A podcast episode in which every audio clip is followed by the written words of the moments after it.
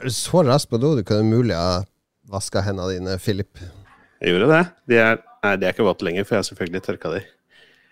Okay. Ikke de Tørker de så godt at de blir ordentlig tørre? For det gjør ikke jeg når jeg er på do. Jeg tørker, og så er de fortsatt et sånn lag av fukt på dem. Hvis jeg hadde tatt hånda rett på f.eks. skuldra til min kone, så hadde jeg tenkt å, er, du- er du våt? Jeg rekker å riste av seg litt på vei, på vei fra badet. De siste dråpene. Riste hender, det som man bare gjør på film. Jeg har aldri sett noen gjøre på ordentlig. Vi er direkte inne her. Jeg starta opptaket allerede fordi det ble så jeg, hadde, jeg var så interessert i Fordi Philip var så rask på do. Vi snakker under ett minutt her, Mats.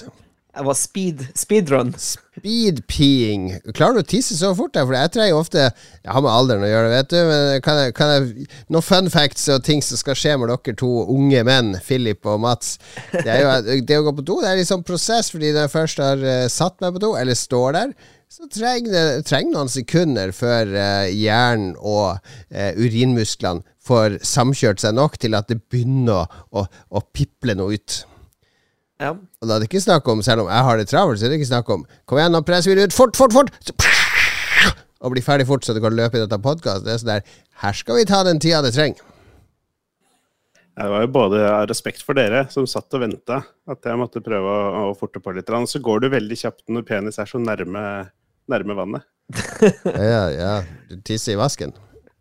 Ja, fordi alle vet at uh, urinen beveger seg raskere inne i penis enn det gjør i fri luft på tur ned til vannet. Hastighet Antagelig. gjennom uh, urinrøret der. Velkommen til Urin spesial. Lolbua 300 og eh, Hva er det for noe? 391? Nærmer oss episode 400, og dette blir en eh, Du er kanskje i harnisk nå fordi du har pleid å gå onsdag morgen på vei til jobb. Så har du satt på nye Lolbua, som pleier å publiseres klokka syv på morgenen på onsdager. Men i dag Det er to, to rare ting med denne episoden. Det ene er jo at, den, at Lars ikke er med. Han har fått covid. Oi, jeg har fått covid. Herregud, alle har hatt covid. Skjerp deg, Lars.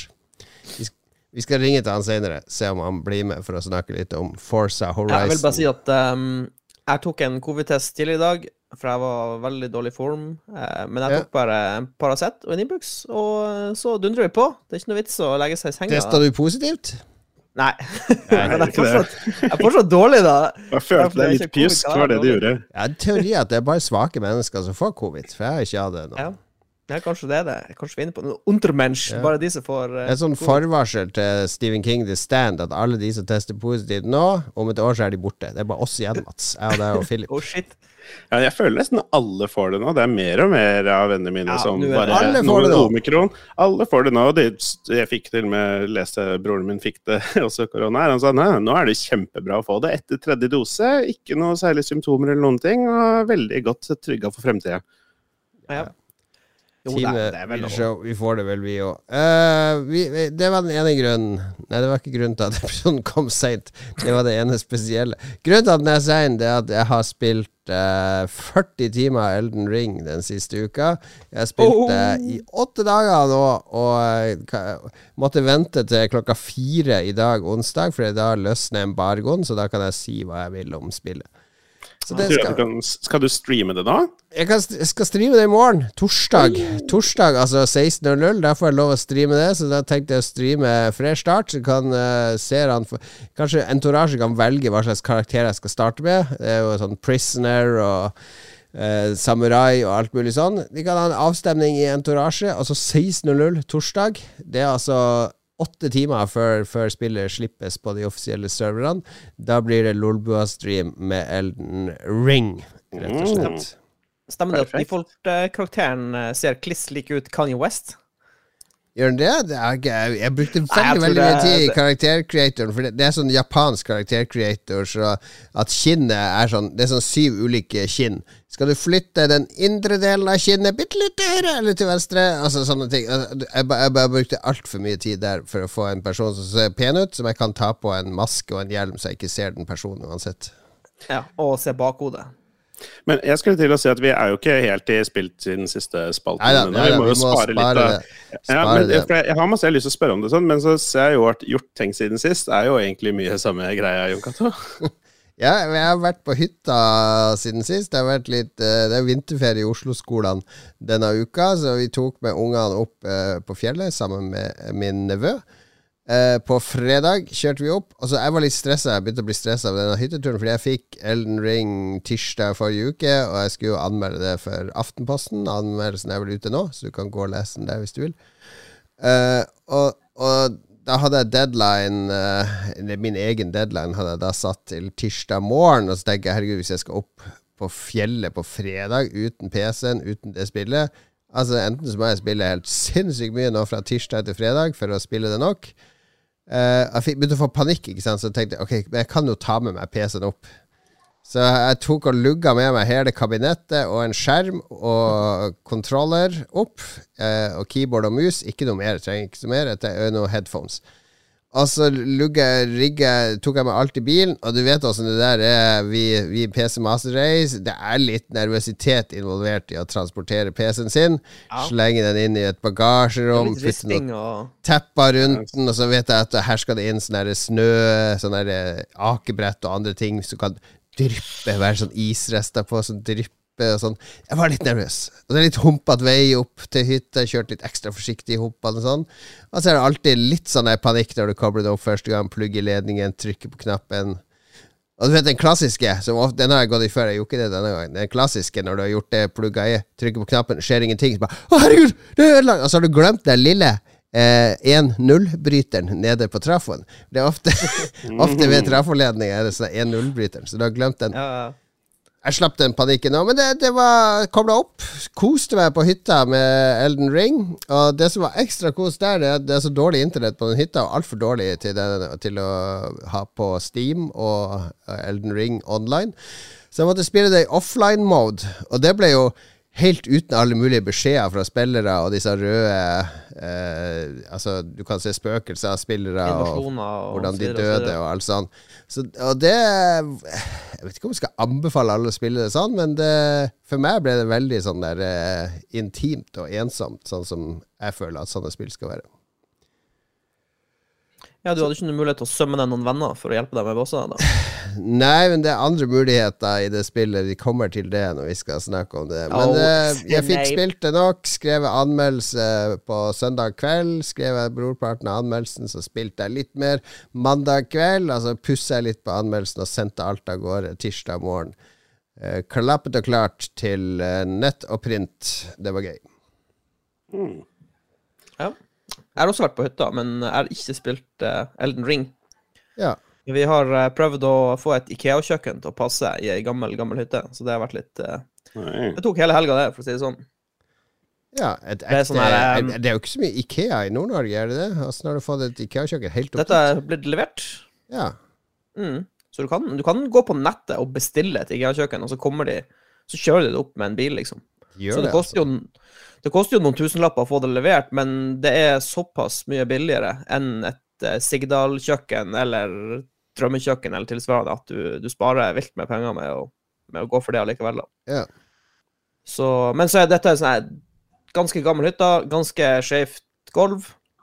Og så har de uh, uh, lagt nytt gulv, og så for å få det nye gulvet beint, så har de uh, flyttet med sånn sånn masse du bare heller ut som, som jevner seg sjøl. Altså, det blir liksom helt beint, på en måte. Men for å spare litt eh, noen sekker med sånn her eh, masse, så hadde de eh, demma opp under der eh, kjøkkenet skal stå, fordi du trenger du trenger egentlig ikke at kjøkkenet står yeah. eh, på hele gulvet, for det, det, er jo egentlig bare føttene fremme som står på gulvet, og bak så henger de jo på sånn eh, skinne så du skrur opp i veggen. Yeah. Men hvis det er noen der ute som har ei gammel hytte, og de skal flyte et gulv, og de skal montere et, et Ikea-kjøkken, bare ta og spandere på deg de sekkene med masse. Fordi det oppsto så mange problemer med denne spareoperasjonen at uh, ja, det er ikke verdt det. Så, ja, Vi har ikke tips. mange lyttere under 25.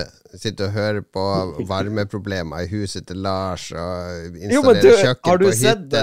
Dette er middelaldrende menn, altså. Vi er middelaldrende menn. Hvis du, hvis du ser på discorden vår, en av de underkanalene som har mest aktivitet, så er det jo den der hus og hjemme. Så vi har, vi har oppussingsinteresserte. Ja, men da har vi de voksne lytterne. Kanskje vi skal mm. påstå det? Kanskje vi rett og slett skal ta eierskap over det? Voksne folk, ja. de hører på Lolbua. Barna, de hører på Red Crew og Nerdelandslaget og Level Up og alle de greiene. Er, er, du voksen? Altså, vil du Du vil ikke henge med barnehagebarna. Det, kom, kom, kom med de voksne til Lolbua. Når jeg snakker om podkasten til andre mennesker som ikke har hørt om den før, så sier jeg at det er spill og popkultur, men kanskje vi skal utvide spill og popkultur og livsstil, eller noe lignende? Ja. Oh yeah. Lifestyle og, of the og. Lifestyle of the middle-aged, uh, mostly white men. Ja, og så har jeg tatt min første covid self-test eh, for bare en og en halv time siden. Du har det, ja? Ja, jeg har aldri brukt et sånt kit før, så det var jo Du tok den sjøl, eller fikk du noen til å ta den på deg? Jeg, jeg tok den sjøl. Jeg bretta ut det der eh, A1-arket og Ja, ja. leste hele greia. Leste Eh, på alle språk. Ja, ok, sånn Alle- gjør man det i Norge. Skal vi se åssen de gjør det i Sverige. Aha! Det er litt forskjell her, ja. Og hvordan gjør danskene det? Jeg fokuserte bare på det norske. Men det var, eh, det var litt mer komplisert enn jeg trodde. Jeg trodde bare du liksom stappa den opp i nesen, og så bare krafsa den utover den her pinnen, men det var jo sånn blanding og ikke få boble, og ikke la flaska være borti røret, og masse sånne stressmomenter. Ja, det men han Men, tok du eh, i halsen òg? Det er jo Tok bare, i tok bare i nesen. Ja, ok, ja, fordi den omikron den er, den er veldig vanskelig å oppdage i nesen, så de fleste tar det i halsen òg. Oh, ja, OK, det, det ble jeg ikke Oh, Det Det trikset da er jo selvfølgelig vi veteraner som har gjort det 100 ganger. Vi tar alle som er nye. Så må ta nesa først, og så halsen. Fordi da drar du snørret med deg i halsen. Funny, funny. Nei, men det ble sånn tydelig negativt, da, så jeg tror ikke det er noe Jeg tror ikke jeg har covid. Jeg var bare litt sånn pjusk i formen, rett og slett. Mange som er pjusk nå. Det er tida Mm. for å være pjusk den uka her, når Destiny 2 uh, kommer, og, og Horizon, Ring, Elden og Horizon er akkurat ute. Det er mange som sitter hjemme nå. Kan dere ikke jobbe i dag?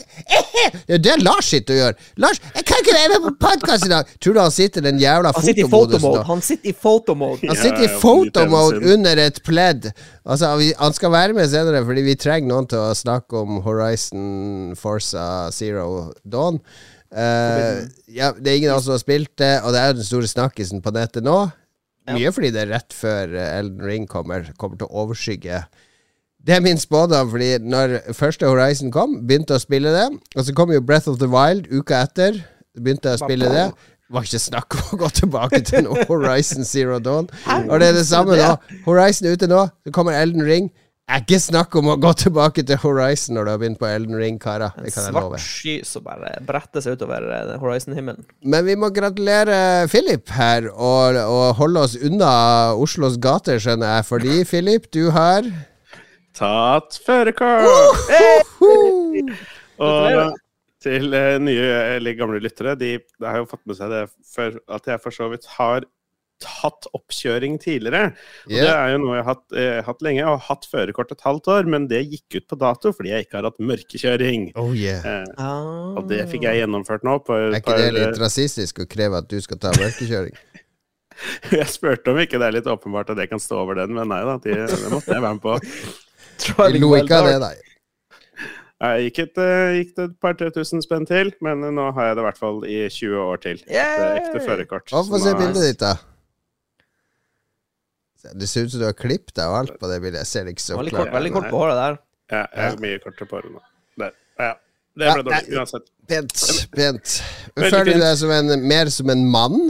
For jeg føler at det er noe Vi skal komme tilbake til det her senere. Jeg føler det er noe sånn mm, eh, En mann uten førerkort, det er bare 90% av en mann. En mann som ikke kan kjøre bil, liksom. Er ikke, det, er ikke du enig her, Mats? Jeg, jeg tok jo førerkortet veldig seint, og jeg følte meg jo litt sånn her eh, Følte meg litt udugelig når, eh, når Ja, du- du- Kompiser når du kommer, skal kjøre på hytta. Så 'Mats, kan ikke du kjøre?' Nei, Ja. jeg, jeg kan ikke kjøre bil. Jeg skjønner ikke de pedalene og sånn motor og sånn. Nei, altså, jeg, jeg var i lignende situasjon som Philip, hvor Ja. jeg uh, flytta til en storby og studerte, og nesten aldri havna i en situasjon hvor det var bilkjøring, rett og slett. Men med en gang jeg flytta hjem til Nord-Norge, så bare med umiddelbart så jeg at oi, dette ble et kjempestort problem. Ja, ja, ja. Og da måtte jeg bare ta, ta lappen. Dere i oljebransjen får vel sponsa førerkort òg, mot at dere bare kjører dieselbil? Ja, det, er faktisk, det stemmer faktisk 100 Praktisk. Nei, jeg, jeg, jeg begynte å kjenne mer på de, på de tinga Mats. Jeg har egentlig aldri hatt noe problem med å ikke ha et førerkort, men jeg har bodd i Oslo for alltid, så det har liksom ikke vært noe problem. Men noen ganger så er det sånn Å, det kunne vært kult å dra dit, og da hadde det vært veldig greit å kunne leie en bil versus å ta kollektivtransport, og da føles det veldig dumt å, å ikke ha den. Så ja. Ja.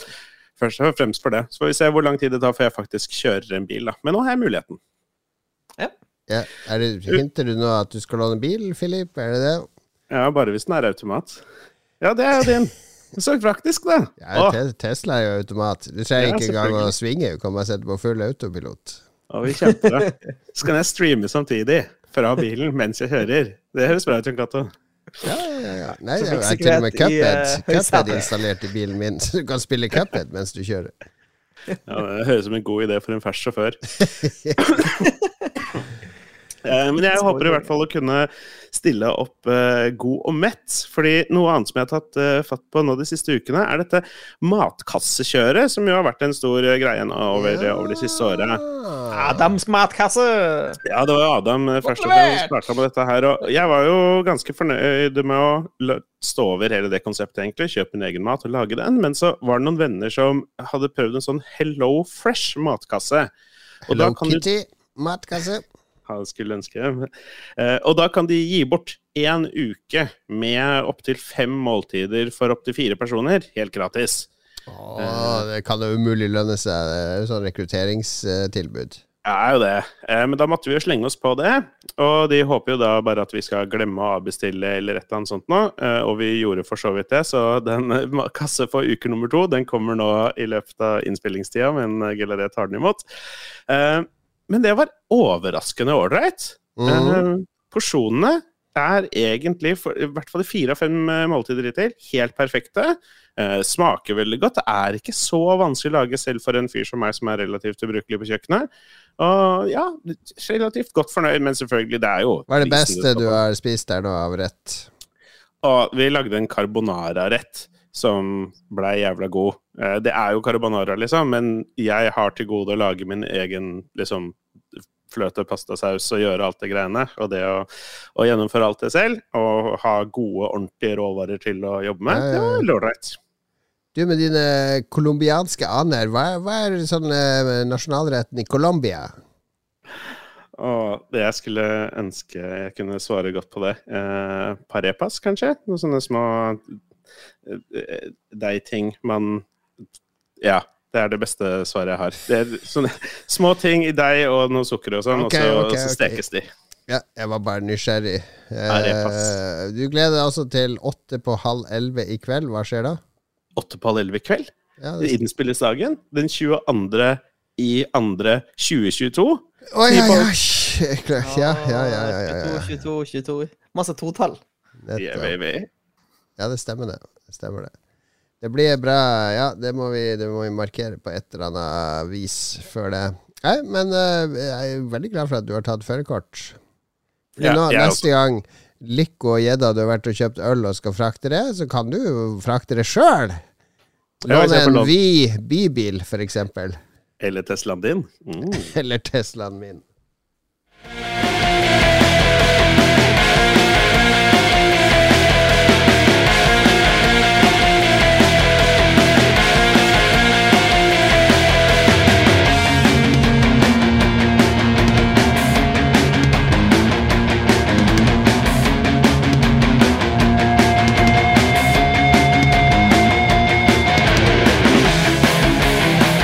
Sånn høres det ut i spillet Hot Wheels, basert på lekebilene med samme navn. Da jeg var liten, så het de lekebilene jeg tror det het Matchbox, hvis jeg ikke husker feil.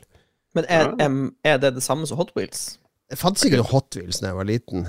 Så Matchbox var en, De hadde monopol på sånne små lekebiler. Matchbox var ganske sånn De var ganske sånn beherska og vanlige, på en måte. Det var Ja, egentlig bare miniatyrbiler. Ford, Ford Wheels er jo litt sånn her crazy decals ja, Typisk. typisk de tør, Jeg likte når det var helt realistisk. litt mer extreme. Men hva med Micro Machines? Var det bare et spill, eller var det også en leke? Det var en sånn leke med sånn bitte små biler. Mindre enn de andre. Ja. Ok, nå har vi kommet til selveste spalten hva vi har spilt siden sist. Jeg har jo spilt det største og mest eksklusive, for jeg har vært på fått pressetilgang til Elden Ring. Så jeg skal vi ta den Nei. først, eller skal vi ta den sist, eller? Jeg tror vi spiser biffen først. Ja, ja, ja. Spis biffen først. ja. Tenker det. Ja, er det, og så er det sikkert noen lyttere nå som er livredd for spoilere. Hvordan skal vi gjøre det? Jeg vet ikke. bare Nei, de Jeg bruker er ikke å spoile med- så mye, men jeg må jo Jeg føl- Jeg fortelle. føler ikke det, det er jo ikke et spill som har ei sånn tradisjonell story, tenker jeg. Så, Nei. og, og hvis du snakker om, liksom, om hvordan ting fungerer i spillet og sånn, er det en spoiler? Ja, men det er veldig Jeg meg mange som sikkert lurer på hvordan det er i forhold til Dark Souls. Altså, hva er, er, er det forskjeller Jeg tenker på hvis- hvis dette og Dark vil- Souls og Jeg sånn? tenker hvis du vil gå helt, helt blind inn i Eldring, så må du spole litt nå. Da må du styre unna alt. Det, Ja, ja. Det det, er sant. det, spol litt her nå til du ikke hører min stemme. Så, Ja. Eller ja, Eller- du, du finner ut av det. Fordi det er ikke noe sånn der Det er ikke noe sånn Darth Vader er pappaen-type spoilers, eller noe sånt. Men uh, jeg, det, er en, det er gøyest å gå en ganske blind, og det, det kan jeg si med en gang. Jeg vil jo anbefale alle om å ikke sitte på nettet og se på alle mulige kart. Ikke se på Lolball-streamen klokka fire på Ja, Det kan du godt, for det kommer ikke til å spoile så mye, for det er starten av spillet uansett. Mm. Men ikke sett deg ned og se på sånn kart. Hvor skal jeg gå nå? Hva skal jeg gjøre nå? Hvor er den tingen der? Prøv heller å finne det sjøl, ikke sant. Det er det som er gøy. Det er et punkt i spillet der jeg har fått en sånn gjenstand, og så vet jeg Det står for å aktivere den, så må du til et eller annet sånn sted. Eh, Et, eh, et tårn. Og så vet jeg Jeg har jo sett et sånt tårn i horisonten der og der, så jeg prøver å komme meg til det tårnet, og så var det det tårnet. Det får en veldig sånn god payoff. Fordi eh, jeg følger min intuisjon, og det viste seg å stemme. I stedet for at jeg sitter på nettet 'Jeg har den tingen! Hvor skal jeg gå?' Så scroller ned i sånn gamefack, eller ser en eller annen idiot på en video. Så der, På YouTube. Hey guys! Oh, so when you get this power, you need to head her. The easiest way to get her. And you need to watch out for this guy this guy. Ikke gjør det! Bare Finn ut av det sjøl, ikke sant? Og det står bare, folk Spillere har skrevet masse hint på bakken, så bruk de. Men ikke gå ut og lene på gamefacts. Og det samme er hvis du slåss mot en boss. Det er mange bosser i spillet. Å, herregud, det var vanskelig, og hva skal jeg gjøre? Hvordan skal jeg ta han? Prøv deg noen gang først. Fordi en av de kule tingene med å spille det sånn early som jeg har gjort nå, det er ikke noe fakka der ute. Det, jeg, det var et par bosser som var ganske harde, så jeg tenker her kommer jeg aldri til å klare. Men jeg klarte det til slutt. Eh, men jeg kunne ikke gå på nettet og se en eller annen video av en fyr med sånn der eh, Og nå gjør det, det er disse fire angrepene, ble det angrepet, så gjør du det, og ved det angrepet, så gjør du det. Anbefaler å bruke sånne og sånne våpen. Det fantes jo ikke. Jeg måtte finne ut av det sjøl, ikke sant. Jeg måtte observere angrepene sjøl, alt sånn. Altså, alle, alle de her bossene har jo mønster og, strategi, og sånne ting de gjør. Så hvis Ja. du bare følger med på dem, så klarer du å finne ut av det. Det er jeg ganske sikker på. 99,9% av folk som spiller det, kan finne ut av det. En eh, kort digresjon, jeg vet ikke om du har nevnt det var jo Games Done Quick her for noen uker siden, og da var det en som gjorde et blindt Sekiro-run. Altså, han så ikke, han Ja. bare hørte. Jeg skjønner, jeg skjønner ikke hvordan det går an. Det er sprøtt. Det Det er så sykt at uh, hjelper. Men skal, hvis vi skal gå på spillet Altså, du er en sånn der uh, shattered som returnerer Tarnished. til et kongerike som er i ruiner, fordi uh, dronninga Homarika, hun er død. Og den herskeringen Det er litt sånn ringende selv, det er sånn Elden Ring. Den er liksom knust i biter, og så arvingene hennes har drevet og slåss om den. Eh, så det er en som heter Godfrid, og så er det eh, ei som heter Renalla. Og så det, det er en gjeng med sånn demiguder som har blitt gale og korrupte, og hele kongeriket nå er bare befolka av eh, skumle vesener, eh, onde riddere, vanedøde osv. Diger, åpen verden. Og det ehm, en liten tutorial, og så kommer du ut, og da kan du egentlig, med en gang du kommer ut av det første tutorialstedet, du kan gå hvor du vil. Altså du, du, Det er sånne bonfires, akkurat som i, eh, i eh, Dark Souls. Mm. De kan du teleportere mellom når du har funnet de. eh, så du kan ganske fort bevege deg helt fra ene sida til andre sida av kartet når du først har funnet de. Men, eh, og noen av de peker en sånn retning. Du skal gå den veien. Og de peker deg alltid mot de hovedbossene, da. Eh, veileder de deg mot. Ja, for det området. Ja, for det den, det området. Så du kan følge de da, men det anbefaler jeg anbefaler jeg bare å virre masse rundt før du Bare gå, beveg deg mot bossen, men virr masse rundt i tillegg. Eh, fordi du får så mye items og, og går opp i level og andre ting som hjelper deg. Hadde du en uh, spesiell bild du gikk for? Var det range? Jeg var gikk melee? For er en sånn der bandit-bild. Den har bue, og det er dexterity-based, så du må bruke litt sånn lette våpen som rapir. Og så er det sånn twin blade sword, som er dexterity-based. Det er egentlig main- main-våpenet mitt. Altså bruke bu av og til for å cheese litt på avstand. Mhm, En liten rogue. Ja.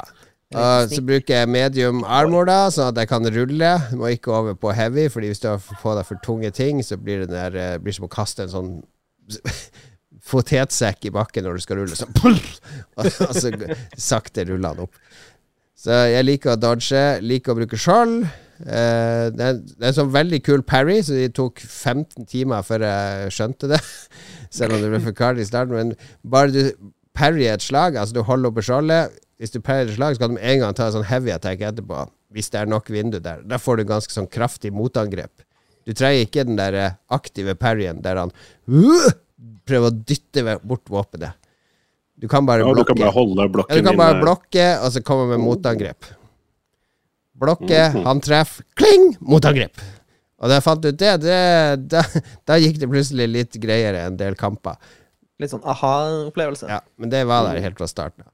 Eh, og så er det fullt av grotter og templer og hemmeligheter overalt. Eh, så det lønner seg å utforske. Eh, det er bosser som kan dukke opp overalt, så de jo går rundt på kart og sånne ting. Som, som du kan ta en gang, og som du får spesielle items fra. Var det noe sånn eh, Var det noe sånn et sånn talentpoengsystem, eller noe sånn her passive bonus no, noe, Det var noe som var nytt, forsto jeg, med, med tanke på hvordan du eh, utvikler karakteren din. I stedet for at i de gamle Dark Souls-spillene så er det stort sett bare styrke, constitution, dex, og, og så er det det du setter ut med ja, det er det samme her. Du bruker runes for å gå opp i de ulike statsene. Men det er ikke noe sånn eh, at du plutselig blir god med én type våpen, eller noe Nei, du har noe som heter amuletter. Så I starten kan du ha på deg én amulett, men etter hvert så får du en større amulett-pouch. Og amuletter kan ha veldig mange ulike sånne powers. En som f.eks. healer deg på critical hits. Eh, en som gir, gir deg mer power på f.eks. Eh, eh, Twin Twinblade, som jeg brukte. Så hvis jeg har Ja, på den, så gjør Twinbladen mer skade. Så du kan kombinere sånne amuletter som, som spekker deg i ulike retninger. da Ja, du kan bruke mer enn én en, en av gangen. ja, Jeg fikk en amulett. Jeg tok en sånn der boss. Det er noen sånne der pits over hele kartet. Noen sånne rare sånne skåler. Lilla skåler. Oppi der kan du summone sånne ulike typer bosser som bor i de skålene. Jeg tok en av de, og da fikk jeg en veldig kul amulet som han booster meg sånn der to-tre på nesten alle stats. Altså alle strength og så videre. Men du tar dobbelt så mye skade hvis du har på den når du blir truffet. Så den, den er veldig eh, den, Du blir som glasskanon. jeg kan, kan ikke bruke den. Hvis du har veldig veldig høy vitality, så tenker jeg den er ganske god.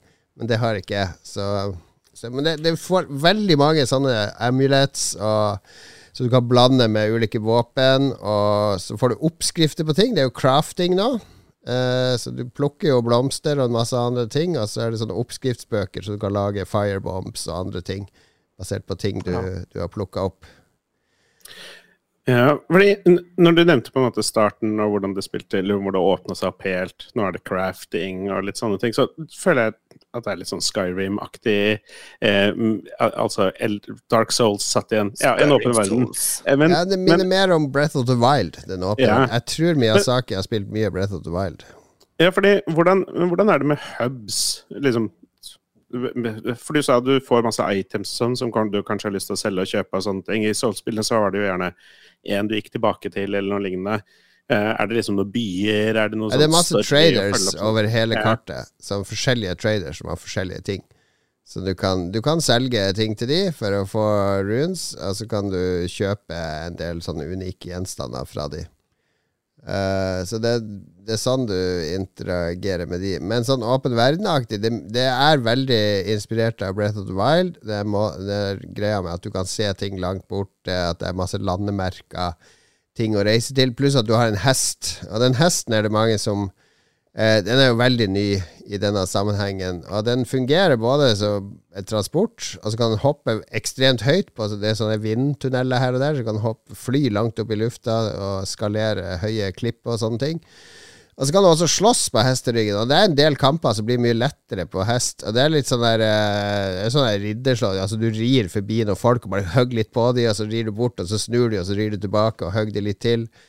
Ganske effektiv mot ulveflokker og andre sånne type ting, der du bare kan sitte på hesten og stikke spydet ned mens de driver og bjeffer og glefser på hesten. jo, det, det fant de ut i virkeligheten òg, når de sto på bakken og sloss med hverandre i armene. Og så bare Hei, vent litt, hvis jeg setter meg på det der gigantiske dyret her og har en sånn lang, skarp pinne, så kan jeg bare mose ned noen folk og stikke dem. Og så ja, ja, det funker bra, men det er også noen uh, riddere og andre som er på hest, som du, som du bør være på hest sjøl for å slå, da. Mm. Ja, okay, ja. uh, en av de første du møter når du kommer ut av den hula du ser oppover den bakken, er en gigantisk ridder på en hest som driver og patruljerer opp og ned ved siden av det.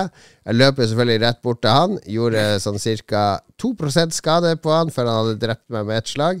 Tenkte jeg får jeg komme tilbake senere. Når jeg fikk hesten etter noen timer, og jeg egentlig lenge, langt ute i spillet, tenkte jeg for å svirre litt rundt. Var litt demotivert fordi jeg hadde daua på en boss ti ganger. Tenkte jeg får gjøre noe annet. Det er også veldig deilig. Det er litt sånn det er sånn var det ikke i Dark Souls. For her, du har hele tida en hel verden her. Hvis du står fast på en boss, bare gå og gjør Det er tusen andre ting du kan gå og gjøre. Og utforske og finne upgrades og andre ting. En klassiker i Soul-spillene og Bloodborne som nå er hvis du har stanga, stanga hodet i veggen i en time på en boss. Det er bare steng ned spillet, les eh, litt i ei bok eller se en episode med noe og så kommer du tilbake, og så gjør du det på første forsøk. Ja, ja, ja. Du, du, har roa deg ned. Og det gjelder her òg. Men her kan du digressere i spillet òg. Roe ned og gjøre andre ting. Det høres, så, så, uh, ja hva du, hva du syns om spillet? Er det bra?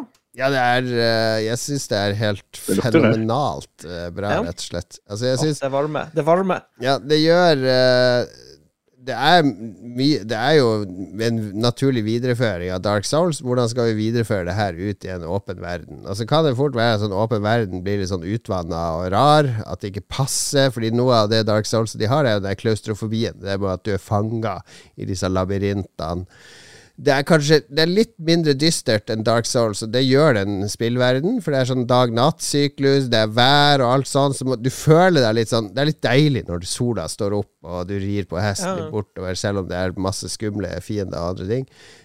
Du føler Du får energi av det på en annen måte. Men det er en ting jeg har tenkt på veldig ofte når jeg spiller eh, Bloodborne og Soul-spillene, er at det føles som en veldig sånn litt sånn ensom verden, for det er ikke så mange sånn det er ikke noe særlig stor sivil befolkning, det er ikke store levende byer. Nei. Det, så... mm, det var det jeg også tenkte litt på med, disse, med, dette med hub, som det på en måte føles som en verden som du er en del av, eller som du utforsker alene, på en måte.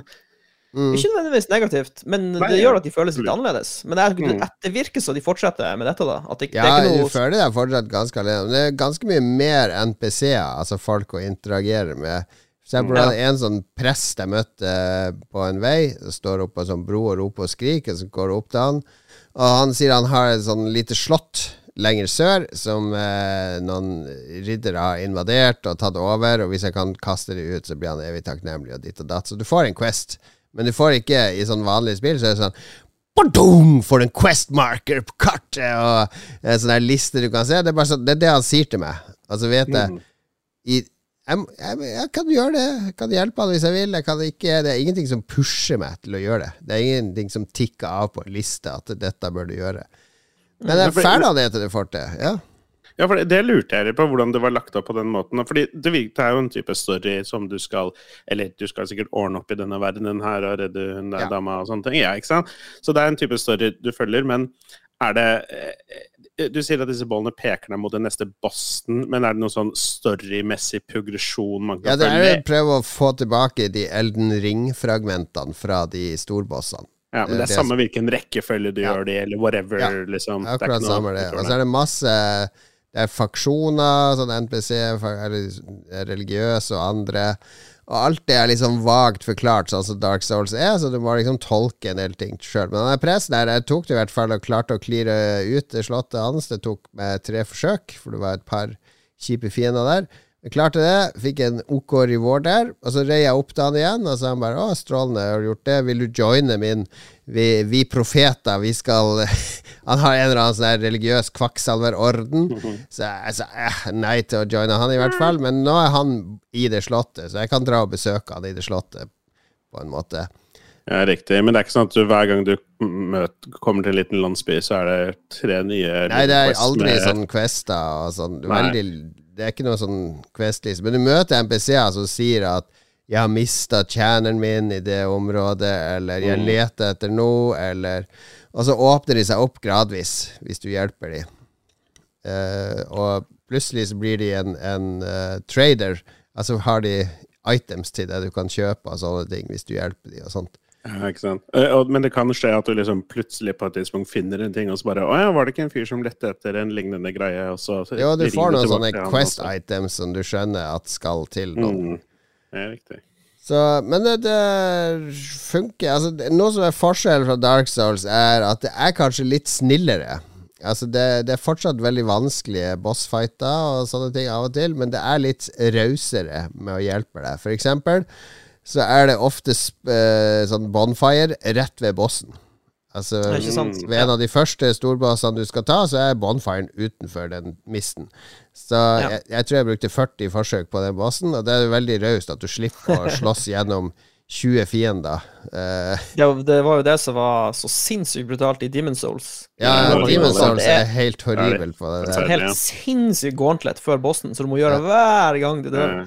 Ja, for jeg var litt veldig nysgjerrig på, på det, for jeg er jo jeg blir kjent nå som han som ikke kan spille spill, I guess. Eh, men jeg har jo kritisert eh, noen av disse spillene før for deres tilgjengelighet. Mm. Eh, men det virker som de kanskje har senka terskelen Nei, den, det, to akkurat det har blitt mer tilgjengelig nå. Ja, så er det også Det var eksempel én boss der jeg hadde slåss 15 minutter gjennom masse greier og korridorer, og kommer til den gule misten, og så bare Hæ, er det ikke noe sånn bonfire rett attmed?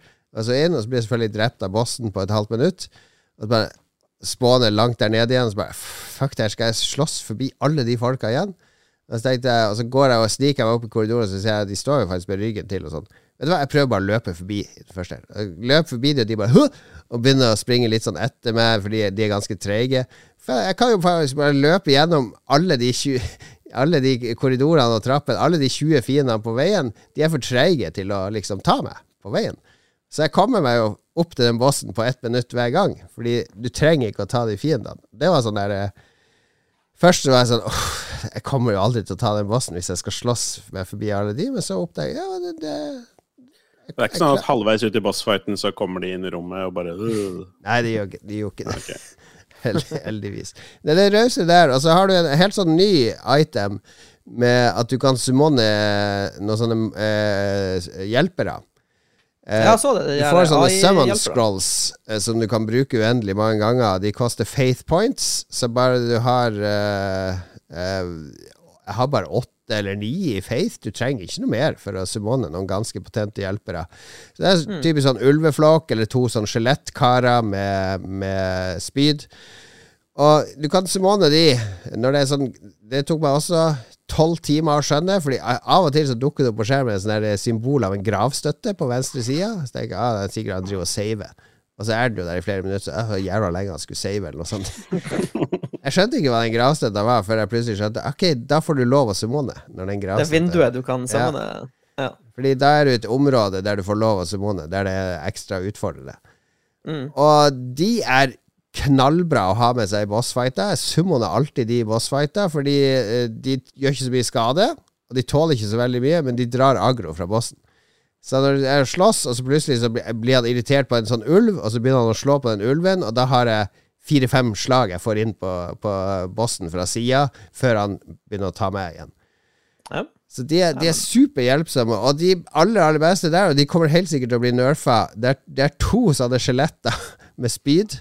Fordi skjelettene har den poweren at når de dør, så faller de om, og så ligger brystkassen der og gløder i ti sekunder, og så respawner de hvis du ikke knuser brystkassen når de, ah, når de er døde. Ja, og det, det, funker på, det funker når de er vanlige fiender ute i verden. Det er ganske stress når det er sånn syv-åtte skjeletter, og du driver og slåss med dem, og så får du ned tre, og så er det fortsatt tre på deg, og så blir du stressa. Jeg må få knust de der, så kommer de opp igjen. Men de funker på disse du summoner òg, da. Så bosser som har veldig mye sånn area attack, de dreper de ganske fort. Men de som har fokuserte attacks, de bare får de ned, får de ned, så begynner de å slåss på meg. Og så spåner de to opp igjen, og så kommer de tilbake og slår på bossen, og så begynner han å, å slåss med de igjen. De, de er litt sånn OP, faktisk. Det er bare de jeg summoner. De er suverent best. Artig. Ja, Nei, men det høres, det høres veldig lovende ut. Ja, veldig. Ja, og det er, en hjelp, det er veldig hjelp i de bosskampene når det står fast. Og i tillegg, på de største bosskampene, så kan du nesten alltid summone en NPC. Det er ofte en NPC som har en eller annen grudge eller story i det området, som er tilgjengelig å summone ved inngangen til bossen. Og må du gjøre noe for å gjøre han tilgjengelig først, eller? Ja, du må møte han et eller annet sted i det området og snakke med han, og så vil han dukke opp igjen når du kommer til bossen. Så det er egentlig nok hjelp. Og i tillegg til det, så kan du selvfølgelig Det kommer til å stå spillere i kø for å hjelpe til i bosskamper. Så at jeg tror selv om du ikke er verdens beste i Dark Souls Jeg er ikke verdens beste i Dark Souls, det innrømmer jeg gjerne. Så tror jeg at det skal være overkommelig veldig mye i det spillet her for deg. Men du, du må regne med å dø en god del og bryne deg på mye, men det er mer overkommelig enn Dark Souls. Jeg tror kanskje jeg må bare ta For jeg er veldig spent på hele konseptet og sånne ting. Og jeg har, jeg har så lyst til å like alle Soul-spillene. Uh, jeg må bare bli bedre til å trykke på knapper, I guess. Men jeg tror jeg må kaste meg ut i dette, og, og så kanskje bare gjøre det på stream, jeg også, sånn at jeg bare får presset på meg til å ikke gi opp så fort jeg dauer. Det er perfekt for deg å streame det her. Mm. Jeg, tror vi har fått noen spørsmål fra lytterne òg, det er kanskje nok Elden Ring akkurat nå. Jeg skal spille det i morgen på stream, så da kan eh, flere nysgjerrige spørre, og så er det bare å glede seg til fredag. Det er faktisk et av de beste spillene jeg har spilt. Jeg har tenkt mye på det. Eh, etter 20 timer sånn, så begynte jeg å gruble. Hvor bra er det her egentlig? Altså, det er et spill som respekterer meg som spiller, som tar meg på alvor som spiller. Det behandler meg som en voksen person. Historien i spillet så, blir så personlig. Det blir min egen historie, basert på de våpnene og skillsene og fremgangsmåtene jeg velger. Altså, det, det er så mye i dette spillet som jeg liker veldig, veldig, veldig, veldig godt. Nice. Ja. Jeg tror, uh, jeg tror natt til fredag, altså midnatt, så kan man spille det. Yes, da tror jeg det det. opp. Ja. Så det blir, det blir kos. Hva med dere, da? Hva har dere spilt? Det, dere vanlig dødelige? Det er for tida på, på, Steam så er det Nextfest. Det hadde de jo i fjor også. Det var jo et litt kult konsept, egentlig, hvor de, hvor de slipper ut masse demoer av spill som ikke er kommet ennå, som er rett rundt hjørnet. Mm -hmm. Så jeg trøkker meg litt gjennom der så fant jeg to spill som Det ene hadde jeg faktisk allerede på uh, Wishlist. Uh, og det andre var det veldig mye snakk om på internettet, så det måtte jeg sjekke ut. Så ja. jeg kan jo ta det første. Uh, det heter The Iron Oath.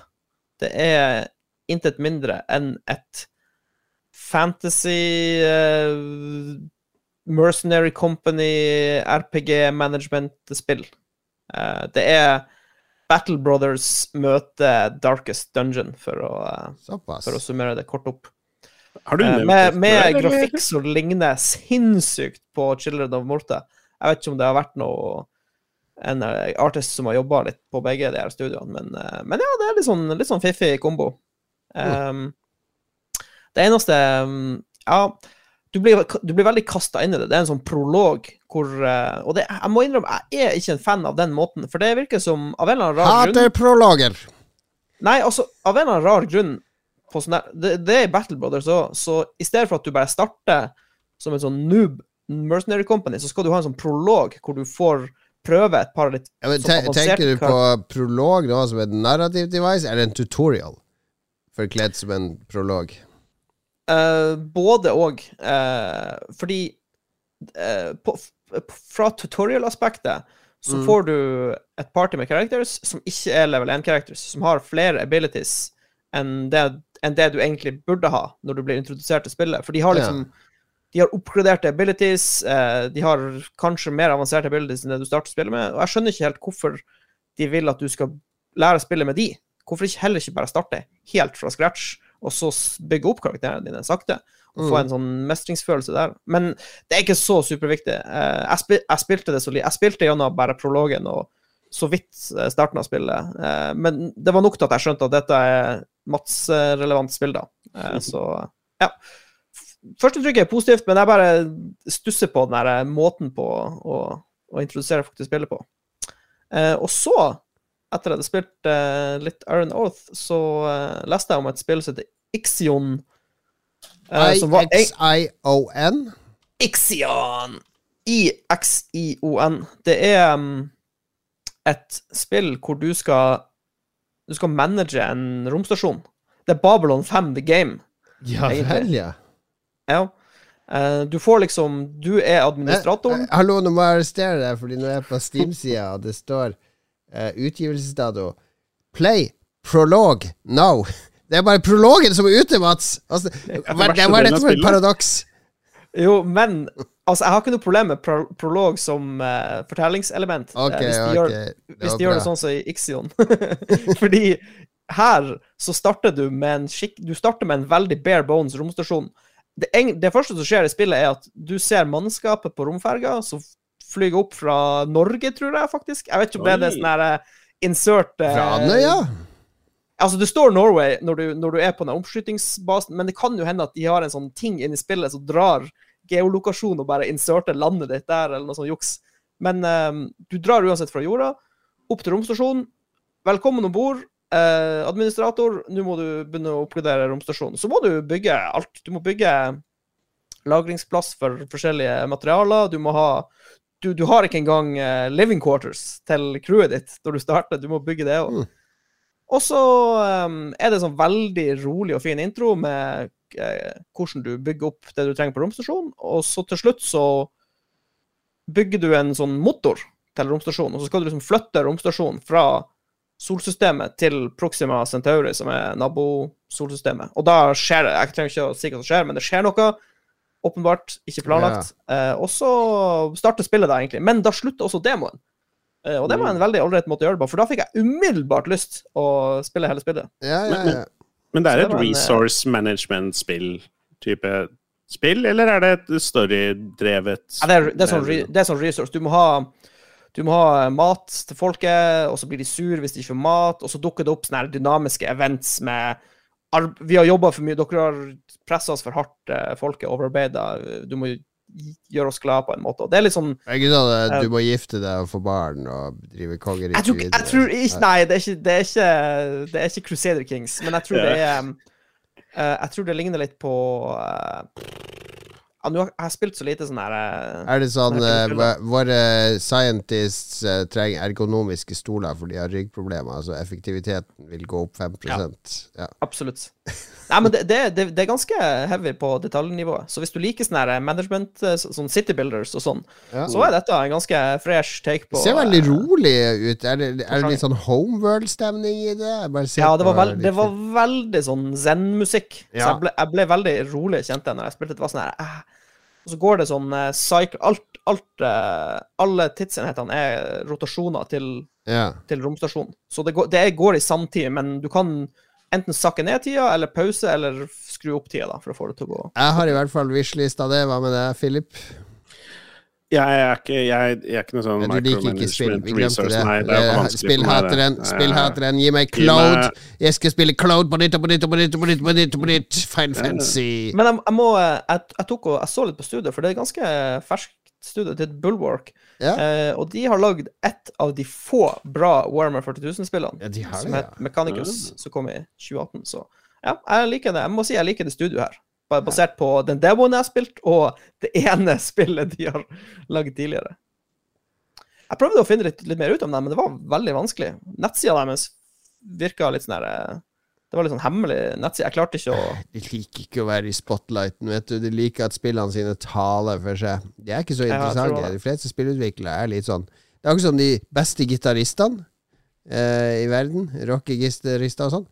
De er verdens kjedeligste mennesker, for de tenker bare på gitar. Hele tida. Det er bare gitar, gitar, gitar. gitar. De har ofra så mye for å bli så god. Og så må jeg innrømme at det var, det var eh, paralleller i spillet til eh, Det er en sånn eh, Du jobber for et sånn superstort selskap som heter Dolos, Ja. som jeg mistenker er SpaceX, og så er det en sånn visjonær dude som sikkert er han Elon Musk, som Mm. skal sende, skal sende menneskeheten ut i stjernen å, eh, til vårt nye hjem. Apropos ja, Babylon 5, som du sammenligna med Hva i helvete er det HBO Max Norge holder på med? Den er oh. tilgjengelig på HBO Max. HBO Max har remastera den og gitt den ut i USA. Ny oppløsning, mye Ja, bedre bilde, alt mulig. Ikke tilgjengelig i Norge! Hva er det de driver med? Ja. Det, det hadde jeg, vet du hva, det hadde jeg helt glemt av. Jeg satt og snakka sci-fi med en på jobben. Eh, Ja. Veldig kul fyr, opptatt av sci-fi. Han er mye yngre enn meg. Han hadde ikke sett Babylon 5. Han hadde sett masse Star Trek og sånn. Så vet, vet du hva, du må sjekke ut Babylon 5. Det tror jeg du kommer til å like. Jeg er på HBO Max. Jeg bare, Nei, det er ikke det. Finner det ikke her. Forbanna Få jeg ut fingeren! Hvis jeg googler HBO Max Babylon 5, så får jeg opp en, en hit. Watch Babylon 5. Stream Ja. TV-shows. Og hvis jeg trykker på den, Det ser ut til at lenken ikke fungerer. Oi da! Kom igjen, jeg betaler er dårlig. dyre er dommer. Betaler er dyre dommer HBO Max Norge. Jeg vet at dere hører på. Ja. Battle- Battlestar Galactica er bedre uansett. Gi oss Annerledes. De kan leve, sameksistere, Philip. Herregud. Harmoni. Ja, Harmoni Akkurat mellom som oss i denne podkasten. Ja, vi kan sameksistere. Hva har du spilt da, Philip? Jeg har fulgt opp uh, mitt uh, Spilt noen walking simulators nå? Mister No buttons, please! No buttons in my gaming, please! Bare ha cookie, cookie clicker ennå. Eh, jeg har fulgt opp mitt nyttårsforsett på alle måter, men ikke minst om å spre spilltiden min ut på flere spill. Ikke bare spille World of Warcraft. Det har hjulpet at det har vært slutten av en patch, og det kommer nye nå i dag, så vi får se hvordan det går fremover. Men jeg eh, blei jo utfordra til å spille The Forgotten City på stream Ja, av uh, eh, vår lytter og seer. Skyrim-mod, er det ikke det opprinnelig? Begynte opprinnelig som en Skyrim-mod, ja, som kan bety hva som helst, eh, holdt jeg på å si. Eh, men ble utgitt for en haug med år siden, og i 2015, tror jeg. Og eh, det var da den originale moden ble utvikla, og så har den kommet på Xbox og noe greier. Og så har det ordentlige spillet kommet ut nå i fjor.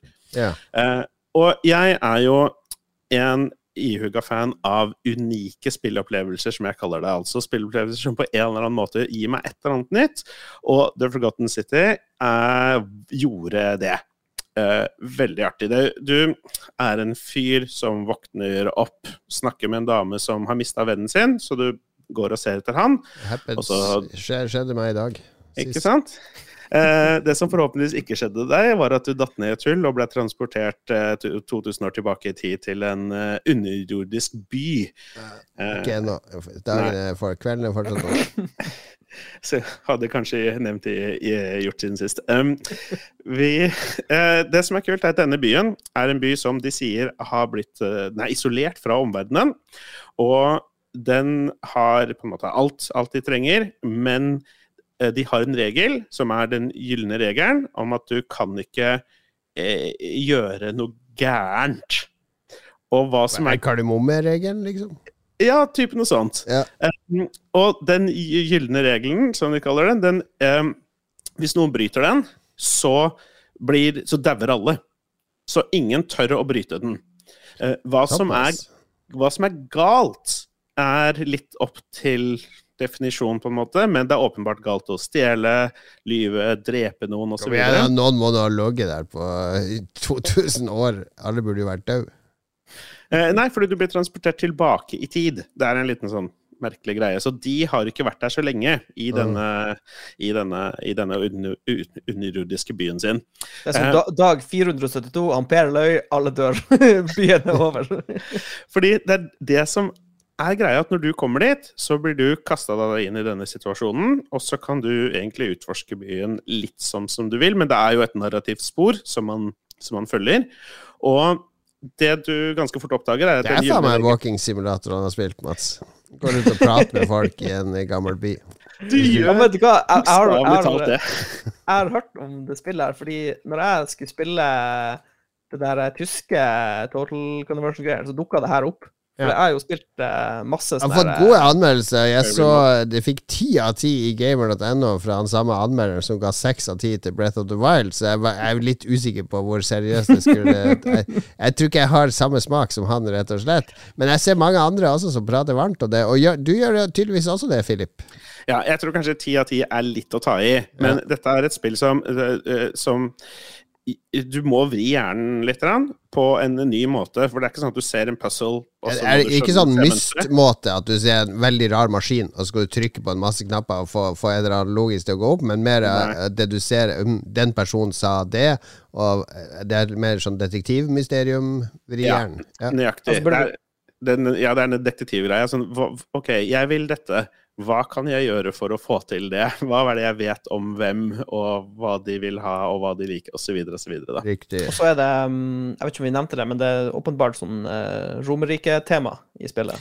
Ja, eh, og det var noe jeg ikke skjønte noen ting av. Jeg hørte at det var et detektivspill, og så så jeg dette bildet, og at det var sånn romerrikt-tema. For du, du, det er den tida du blir transportert tilbake til. Til Mm, det er settingen, liksom. ja, det er settinga er at det er en gjeng med romere som har lagd en un underjordisk by, hvor de Lurer på om det fantes en, eh, en eh, romersk uh, Poirot som gikk rundt i toga og Ja, I så fall så er det bare si at i denne serien. Jon Cato, du eier det spillet her, hvis du ikke visste det. Jeg vet det. Jeg har spilt det, faktisk.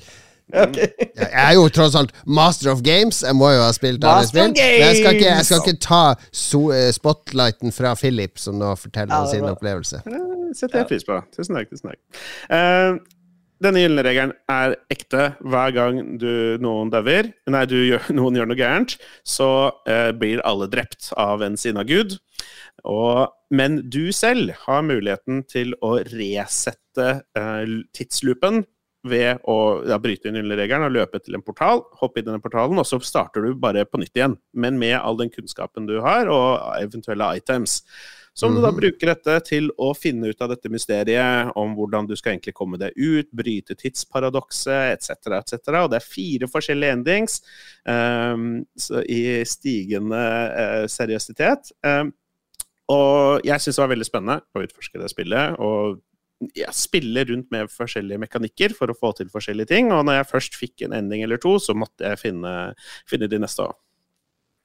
Jeg vet ikke om uh, Jon Cato husker det like Nei, jeg har ikke runda det, fordi jeg ble Jeg sliter litt med sånn veldig mye dialogspill for min, for min del. Så det var jeg, jeg kom jeg, Det var et eller annet der, men så begynte jeg å spille noe annet. Men jeg, jeg, via ikke nok tid til det, rett og slett. Jeg gikk bare litt rundt og ble kjent med et par folk. Ja, fordi Jeg kan også brenne meg litt hvis det blir for mye dialog, at det går for sakte fremover. Eh, men jeg stresser ofte Det verste jeg vet, er ofte når jeg kommer til en by i spill. Eh, sånn RPG, actionspill, eller Witcher og sånn. Jeg kommer til en by, så bare Herregud, skal jeg gå rundt i alle disse gatene og snakke med alle disse folkene? Mm. Det er sånn to timer med å gå rundt og 'Morgen, morgen, du, hva skjer her?' 'Å, du selger fisk, ja.' 'Å ja, du har mista en fiskebåt der.' Bling! 'Å, det er jo ditt Jeg blir så st Det er så mye styr å gå rundt at det er så mye folk. Ja, og så er det den store fella i sånne rollespill er at du er sånn her ukjent fyr, du har aldri vært i byen her før, og så kommer alle opp til deg sånn 'Å, hei! Å, kan du eh, Ja, ja. hjelpe meg med det her?' Bare, Mista steikepanna mi! Mannen min dro ut for å fange bær! Han har ikke blitt sett på mange år! Skulle lagd sånn nordnorsk og sa samisk uh, The Witcher. Jeg du spilte. Uh, Forgotten City tar litt høyde for disse tingene, og du må opparbeide deg litt, eh, litt uh, troverdighet og sånne ting. Ja. Men ja, ålreit. Dette er et spill du kan spille gjennom på en kveld, eller? eller? Ja, ja, det var utfordringen. Var, eh, utfordringen var at jeg skulle komme gjennom det på fem timer, og det klarte jeg ikke. Eh, men eh, jeg la kanskje halvannen time til det dagen etter, og så ble jeg, ble jeg ferdig. Nice. All right, det blir veldig lang episode. Jeg ser du har flere spill her. Skal du snakke Ja. om de òg? For Nei, vi er skal bare- også få inn Lars, pasienten. Jeg har, jo, jeg har jo bare fulgt opp dette nyttårsforsettet mitt, men Ja. da har jeg masse på lista å snakke om seinere, når jeg eventuelt går tilbake til å bare spille World of Hvis Lars dør nå av covid, så får du være med hver episode, Fantastisk. Nå sender jeg en link til Lars, skal vi se om han dukker opp. For vi ville gjerne ha med Lars. Han er jo syk nå, har fått covid. Eh, en eller annen covid-variant, antagelig. Han ligger og hoster og harker i fotomodusen i Horizon Zero Dawn, og det er jo nettopp derfor vi vil ha ha han inn her, så vi kan få litt impressions derifra. For det er det har ikke du spilt, Philip. Ikke i det hele tatt. Eh, Jeg, og det er litt artig at du nevnte den der gamer-anmeldelsen med 6 av 10, fordi det samme skjedde jo nå med Horizon. At Ja. det, var det jo, det var gamer nå også som ga de en 6 av 10, mens alle andre visste ikke Det er sånn det. er, Philip. De bare liker walking simulators. Walking simulator, gå og snakke med folk i en gammel romersk tidsloop. Ti av ti! Ja, kanskje sette inn litt materie i våpenet ditt, eller noe sånt. Kanskje det. Her kommer han, den samiske pasienten. Og så han har tatt med oss en pledd og alt, så vi skal synes litt, eh, litt mer autentisk. All right, uh, Lars, du skal få fatte deg i korthet. Uh, fordi vi, vi må jo snakke om Horizon Zero Dawn. Alle andre podkaster i Norge gjør jo det. Vi kan jo ikke være dårligere enn de. Og du, har, eh, du, har, du sitter med fotomodusen nå, det, det vet vi. Uh, ja, jeg har spillet på. Jeg ligger i sofaen. Det var det vi sa! Det var det vi sa! Akkurat det vi sa. Ja. Ja, ja, ja, ja. ja, men det har vært veldig lite fotomodus. Det, det er et eller annet med at spillet ser for bra ut. Det blir liksom bare Det er ikke så gøy. Det blir liksom bare Det blir for lett. Det blir for lett. Jeg vet ikke. Det, det er ikke like gøy med fotomodus, så jeg har brukt det veldig lite nå. Men uh, Men du har spilt det mye? Terningkast tre. Kort og, kort og greit. Til fotomodusen, eller? Men hva, hva syns du om spillet, da? For du, spilt, du er jo platinum på det første. Du er den største fan av det første Ja, ja. eh, spillet Ja. her i Lolbua. Jeg og Så, Jostein. ja. Hva, hva syns du om, eh, om toeren, da?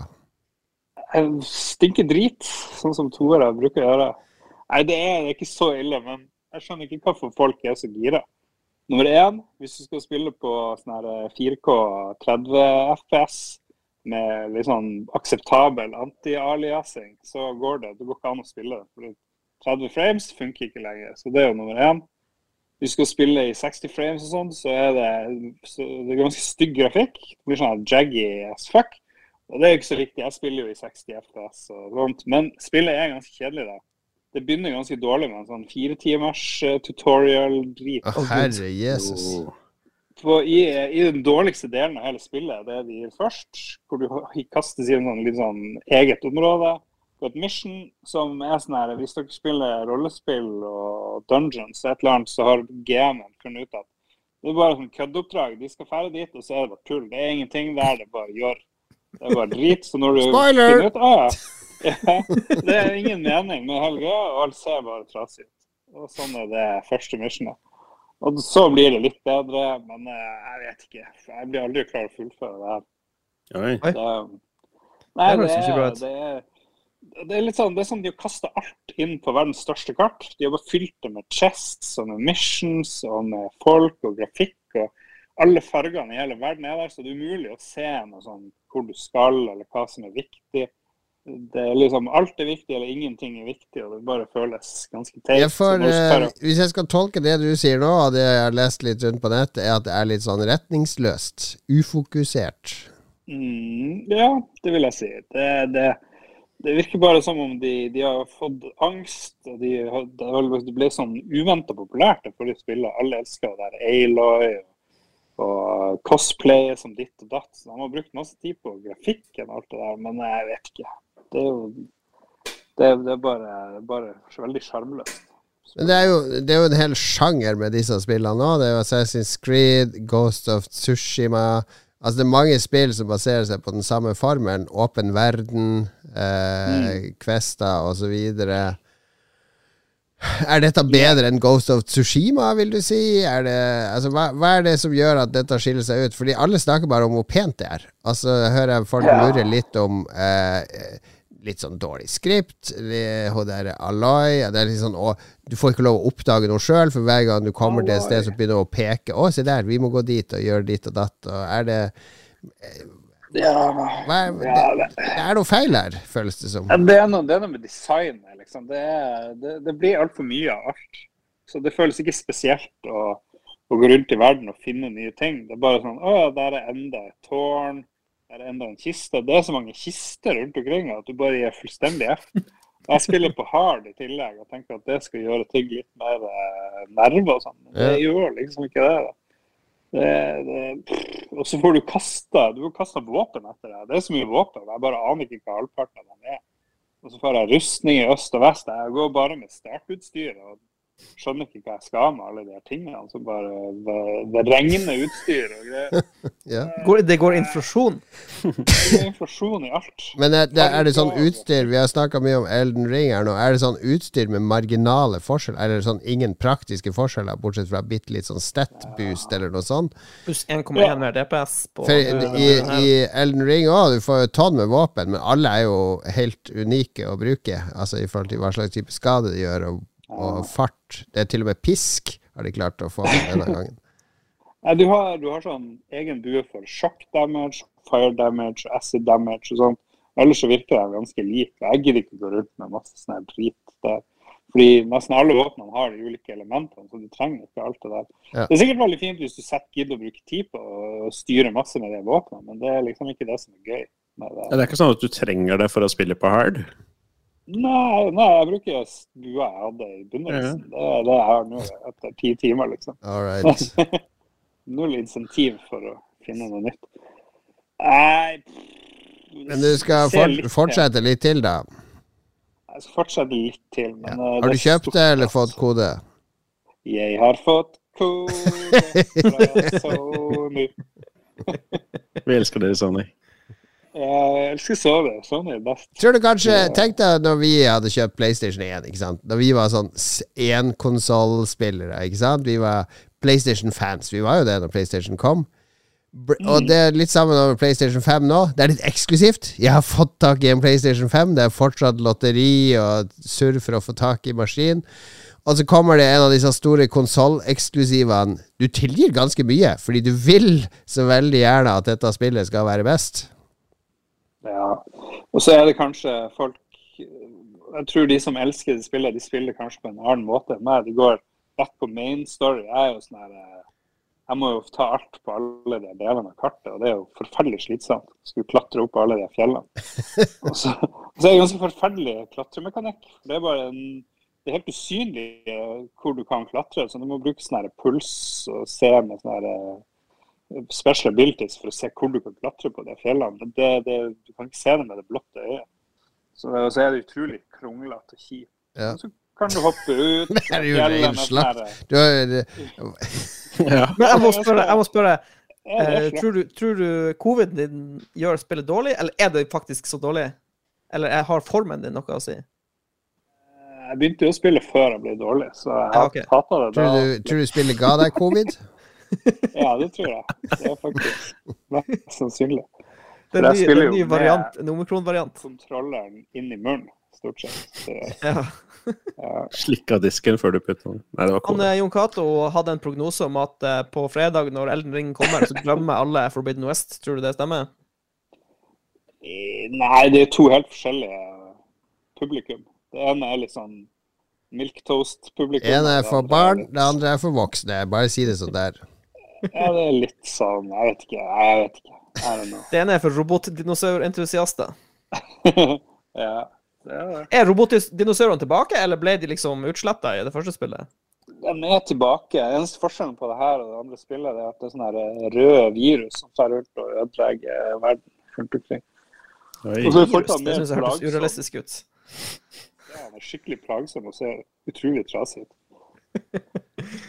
Right. Takk for den rapporten, Lars. Det var, var Takk, kanskje Lars. ikke det PlayStation-fansen som hører på, ville ha av eh, våre inntrykk fra Forza Horizon Zero 2. Men eh, du skal spille litt til. Du må dele noen fotos. Ja. Du må ta noen fotos, Lars. Jeg har tatt noen foto, men jeg tok mye mer i Uncharted 4, som er et 1000 år gammelt spill. Ja. Men, ja. Folk vil ha fotobok. Men nå må du hvile ut. Slappe av. God bedring. Bli bedre Ja, Bli frisk. ja, nei, det Jeg vet ikke hva jeg har. Jeg, jeg har ikke testa meg i dag, tror jeg. Men det jeg jo nå forkjølt, i hvert fall. Eller noe. Ja, ja. Hvem vet? Manflu det slår hardt. Det var en, det var en på jobben, han testa positivt i sted for ti minutter siden. fikk jeg bilde. Så det er jo Det skjer ting. Men er det, bryr folk seg om covid lenger? Nå er det bare Ukraina. Jeg vet ikke. Nå skal jeg legge på. Kos dere, gutter. Ha det.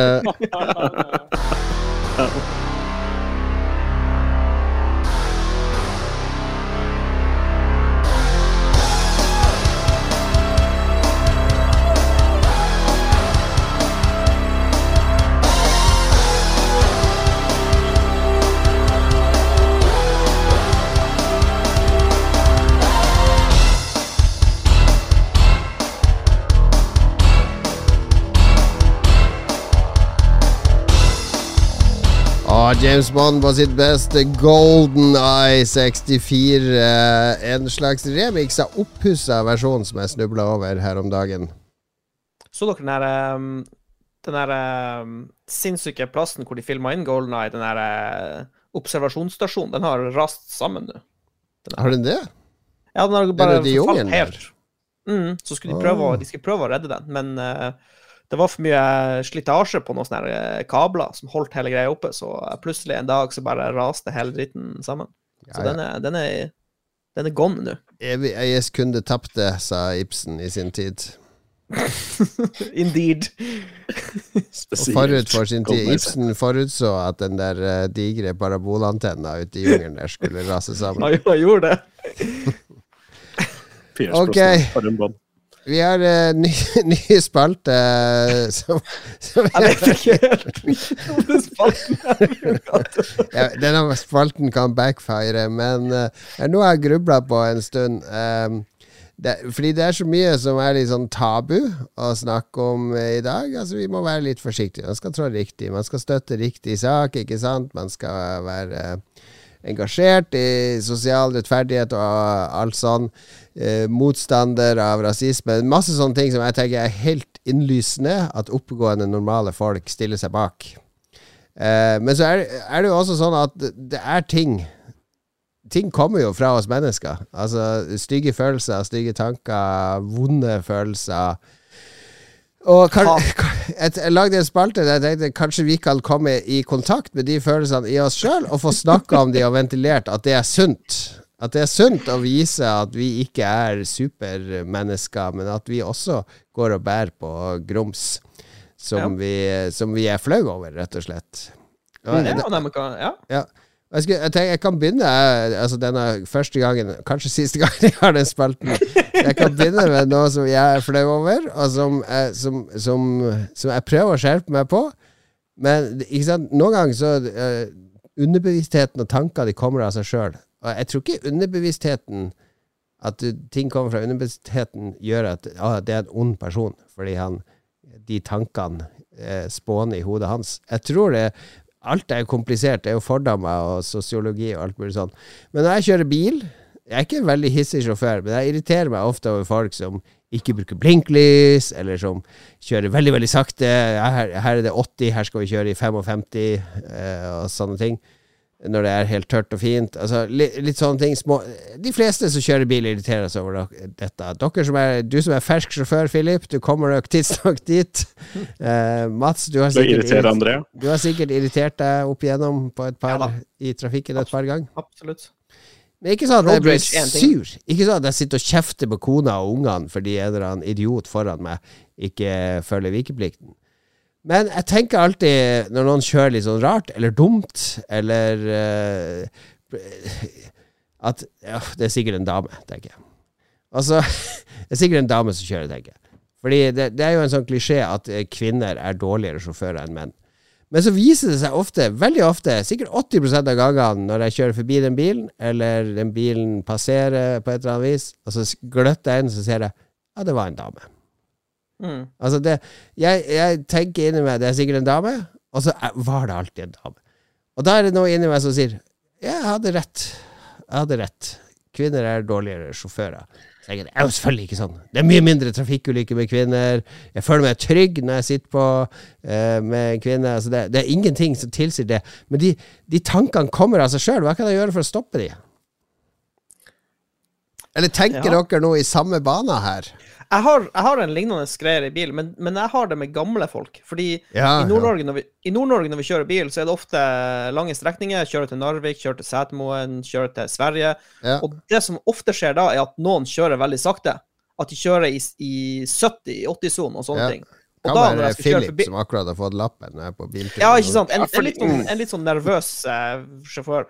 Og så tenker jeg sånn Dette er garantert en gammel person. Og så viser det seg at 80 av gangene når jeg kjører forbi, så ser jeg bare inn i nabobilen. Jo da, det var en sykt gammel person. Viser du fingeren inn i nabobilen når du kjører forbi, eller? Ja, selvfølgelig. Ja. Mats muner jo, han drar ned buksa. Så liksom lager jeg med munnen min bare men, men, men, men, men det er én ting jeg har, jeg har det samme, bare med gamle folk i okay. De kjører altfor sakte. Men jeg reagerer på at vi sidestiller at noen sjåfører kjører under fartsgrensa med å være dårlig sjåfør. Fordi når du har skrevet sendeskjema er kvinner dårlige sjåfører, så er jo svaret statistisk sett nei. Men om de oftere kjører under fartsgrensa enn menn, det stemmer sikkert. Som ja, men hvis, hvis forholdene er OK, og, og, det ikke er noen grunn til å kjøre under fartsgrensa, så skaper det gjerne farlige situasjoner, fordi det skaper folk som, eh, som ivrer etter å kjøre forbi. Mm. Jeg tenker, jeg kan ikke drive og ligge bak det her hele det strekninga her. Kan ikke kjøre i 70-80-sonen, det er jo, det er jo det, det er ikke mulig. Nei, det er litt sånn uskreven regel, og det er sikkert ikke sunt å tenke sånn. Men er det verre at jeg tenker uh, at det er sikkert en dame, enn at det er, er, det litt sånn greiere å tenke at det er sikkert en gammel person? Fordi man, jeg vet det litt. Man, man blir jo dårligere til ting med alderen. Og, og, at eldre er mer usikre og har mindre overblikk i trafikken og dårligere nattesyn og sånne ting, det er jo fakta. Ja, ja. Men Fordi dette var noe jeg spurte spesifikt om når jeg tok lappen nå nettopp. Fordi jeg er ganske forberedt på å være en veldig forsiktig sjåfør. Fordi jeg har nettopp fått lappen, og jeg, jeg, er, jeg har ikke lyst til å krasje. Så jeg kommer bare til å liksom safe det skikkelig. Ja. Men eh, og Ta på deg parykk og sminke deg, så blir du en dame når jeg kjører forbi. en gammel dame, kanskje. en gammel Jeg dame. har, jeg har, jeg har, hvis vi virkelig vil få litt futt i det bålet her, så har jeg litt bensin vi kan, uh, oh, ja, gjør det, vi Mats. kan kaste på her.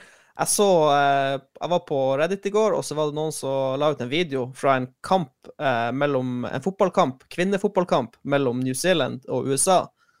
Og da var det en spiller på laget til New Zealand som skårte tre selvmål i første omgang. Og dette var sånn, dette var sånn toppnivå fotball. Og da tenker jeg Er damer bare dårligere fotballspillere enn menn, eller er det, var dette tilfeldig? Kjør debatt! Nå er vi inne i Gromsen her, og det her er Ja, eh. Det er jo veldig Hvorfor- tabu. hvorfor- Det jeg jeg, jeg, jeg, jeg, jeg syns dette er fint, det at vi kan sette oss ned og være ærlige med oss selv og ærlige med lytterne våre. fordi det å anerkjenne egne fordommer, det er veldig sunt. Så dette er bare bra. Få Ja, ut. men det var noen Jeg satt på Discord med noen kompiser, og så snakka vi om det. Og det var en som hadde et veldig godt poeng, og det er at eh, damefotball og herrefotball har akkurat like stor fotballbane og like Ja, ja. store mål. Er ikke det litt rart? Jo. Jo. Ja. De ser, når du ser damefotball på TV, de ser så mye mindre ut enn mannfolka nå. Det- Ja, så går det så sakte. Ja. Frem og tilbake og Ja. Men, men jeg tror ikke de De er jo en annen fysiologi. Jeg tror ikke de er dårligere. Altså, vi hadde jo blitt knust hvis vi skulle spille mot uh, gal? Mekila sitt jentelag. Ja. Hvor langt ned i det norske damedivisjonssystemet må vi gå før Lolboa Lolbua Seven kunne spilt uavgjort? Katarina har jo tror vi må knust alle oss. helt til bunn. Helt til bunn. Katarina hadde jo knust alle oss i alt av eh, konkurranse, så det, det Ja. Nei, for det, det, det vi begynte også å snakke om, var eh, fordi det er, å- det er åpenbart klasseforskjell mellom eh, det øverste nivået herrefotball det øverste nivået damefotball. Men så begynte vi å snakke om andre sporter. For eksempel, eh, det var mange år siden så fulgte jeg veldig mye med på mixed martial arts og UFC og sånn. Og da starta de jo med dameversjon av UFC. Og da husker jeg det var veldig vanskelig å se på i starten, for de var så dårlige. Men de har de siste ti årene så har de virkelig hevda seg eh, og blitt dødsgode i mixed martial arts. Så, eh, og jeg føler at de er mye nærmere eh, guttene i, i teknikk og ferdighet og sånn. Så jeg vet ikke, Er det pga. den store fotballbanen og de store målene at, at det er så stor forskjell? Ja, men det er også at vi er vant til å se på på et sånn nivå i den fotballen som er de beste av de beste mannfolkene i verden som spiller. Ja, og- så det, det blir ja, jo og så- stor avstand. Ja, og så er det så mye vanskeligere å bli blant de beste av de beste av mennene. Eh, Jeg hadde en kusine som begynte å spille fotball når hun liksom var 14, og så Mm. var hun på kretslaget. Fordi Ja. Liksom Ja, ikke ja. sant? Rett, rett inn. Ja. Fordi det var så få som spilte. Ja. Mens uh, meg selv, broren min og sånne ting, vi måtte liksom for å liksom bare ha en sjanse til uttak til kretslaget, måtte vi liksom jobbe beinhardt og være blant liksom de to-tre beste på ditt lokallag og etc.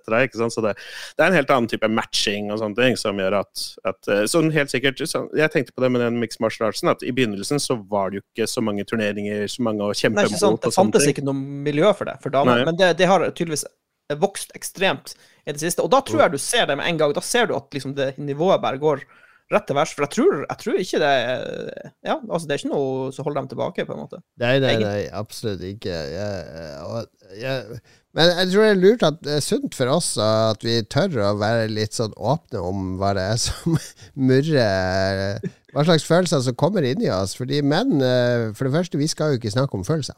Vi skal jo bare være sånne der staute idioter som skal gå og holde alt inni oss. Og skal vi få hull på disse bildene, disse fordommene, så må vi faktisk eh, være såpass, tørre å være såpass ærlige med oss sjøl at vi sier dette skammer jeg meg litt over. Og jeg skammer meg over at eh, jeg tenker sånn når jeg sitter i bilen.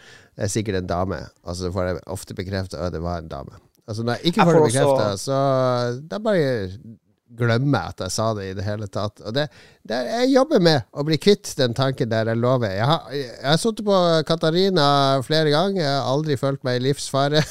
Så, så jeg, jeg, jeg har egentlig så tenker jeg ikke det. Det er bare Det er en sånn klisjé. Det er noe sånn humor Det er noe som erter kona mi også oppi det der. Men jeg, men jeg, altså, altså er det, jeg tror nok veldig mange anerkjenner det er en stor forskjell med å være en dårlig sjåfør og kjøre under fartsgrensa. Fordi, Ja, fordi enig. Ja, som, ja, som du sier, du sitter på med Katarina, og du er ikke redd for å krasje. Fordi igjen, kvinner krasjer mye mindre enn det menn gjør, per mil kjørt. Eh, men hver gang du ser en som kjører litt for sakte, så er det veldig ofte en kvinne. Og det er ja. Vi er også mye flinkere å begå selvmord enn damen. Vi gruser dem. Ja, ja, ja, ja. Mange flere menn sitter i fengsel. Og- us, liksom. Get with the program. Det sterke kjønn, liksom. Hvem er det som sitter i fengsel? Ok, vel, eh, vi får se om den spalten kommer tilbake. Var, ja, eh, skal du dele noe for deg, Philip? Ja, nei, jeg vil bare eh, ha det nå som vi tar opp, at hvis jeg, set, hvis jeg får tak i et damelag langt ned i divisjonene til å spille mot oss i en sju- sjuer fotballkamp, og filmer det til Roffelbua spesial eller noe, så er dere med. Ja, ja, ja. Ja, ja, ja. Bra, bra. Da skal jeg begynne å google. Vi skal høre litt eh, meget politisk aktuell musikk. Får se om dere skjønner hva koblinga er.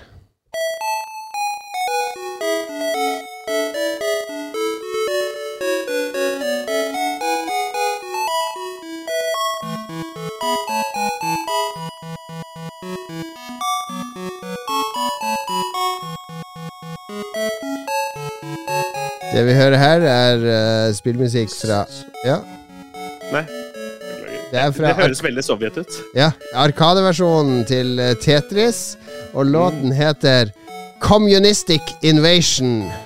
Boom! Putin in your face! Eh, Tetris spådde Ukraina allerede på, i 87. Ja. ja, folkens, går det her bra? Det gjør jo det. Altså, det er jo sånn Putin Putin er bølla på skolen som skal ha lunsjpengene og sånne ting, og han får lov til å styre på der. Altså, Ja, det virker som han kommer til å få lunsjpengene Ja, sine. Ja, jeg, har gjort, sånn. jeg har gjort det flere ganger. Han går jo og bøller, bøller, bøller, bøller. Tar han litt Ja, hva skal dere gjøre med det? Og så kommer det noen sanksjoner, og så bare eh, eh, eh. Og så går det noen år, og så gjør han det samme på nytt med noen andre. Det, det er sånn story of, of uh, Russia. Jeg er litt sånn evig optimist og tenker at ja, ja, alt ordner seg, alt går fint. Men jeg, det går faktisk litt kaldt nedover ryggen. Jeg så det i overskriftene for en time siden at liksom Nå går Russland inn i Ukraina, liksom. Ja, det da blir er, jeg sånn, jeg er fælt å følge med på. Ja, det var en som sa det Det var en som sa det, det Jeg hørte litt på radioen jeg var ute og kjørte tidligere i dag. Og nå i Øst-Ukraina så har du jo Du har områder hvor eh, separatistene, eller de her eh, opprørerne, har kontroll. Hvor det ikke det, det er ingen ukrainske regjeringsstyrker der i det hele tatt. Men på, på de to hovedregionene så er det mange plasser hvor det faktisk er ukrainske regjeringsstyrker. Og de kommer til å forsvare områdene sine. Og da, hvis russerne kommer med sine styrker, så kommer det til Da, da smeller det, bokstavelig talt. Og da, da, folkens, er det ikke, det er ikke bra.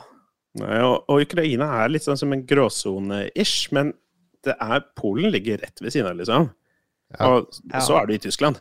Og, og det er liksom som Jon Cato sa, at Putin tar litt og litt, og på ett sted så må man sette, sette ned en støvel eller fem, da, fordi ellers så bare kommer han til å liksom grabbe til seg litt her og der. Til han, ja. Ja, det er ikke bra. Det er ikke bra. Vi som har spilt Tarkov, det er jo Plutselig Tarkov er jo, får jo sånn ny relevans i lys av det her, da.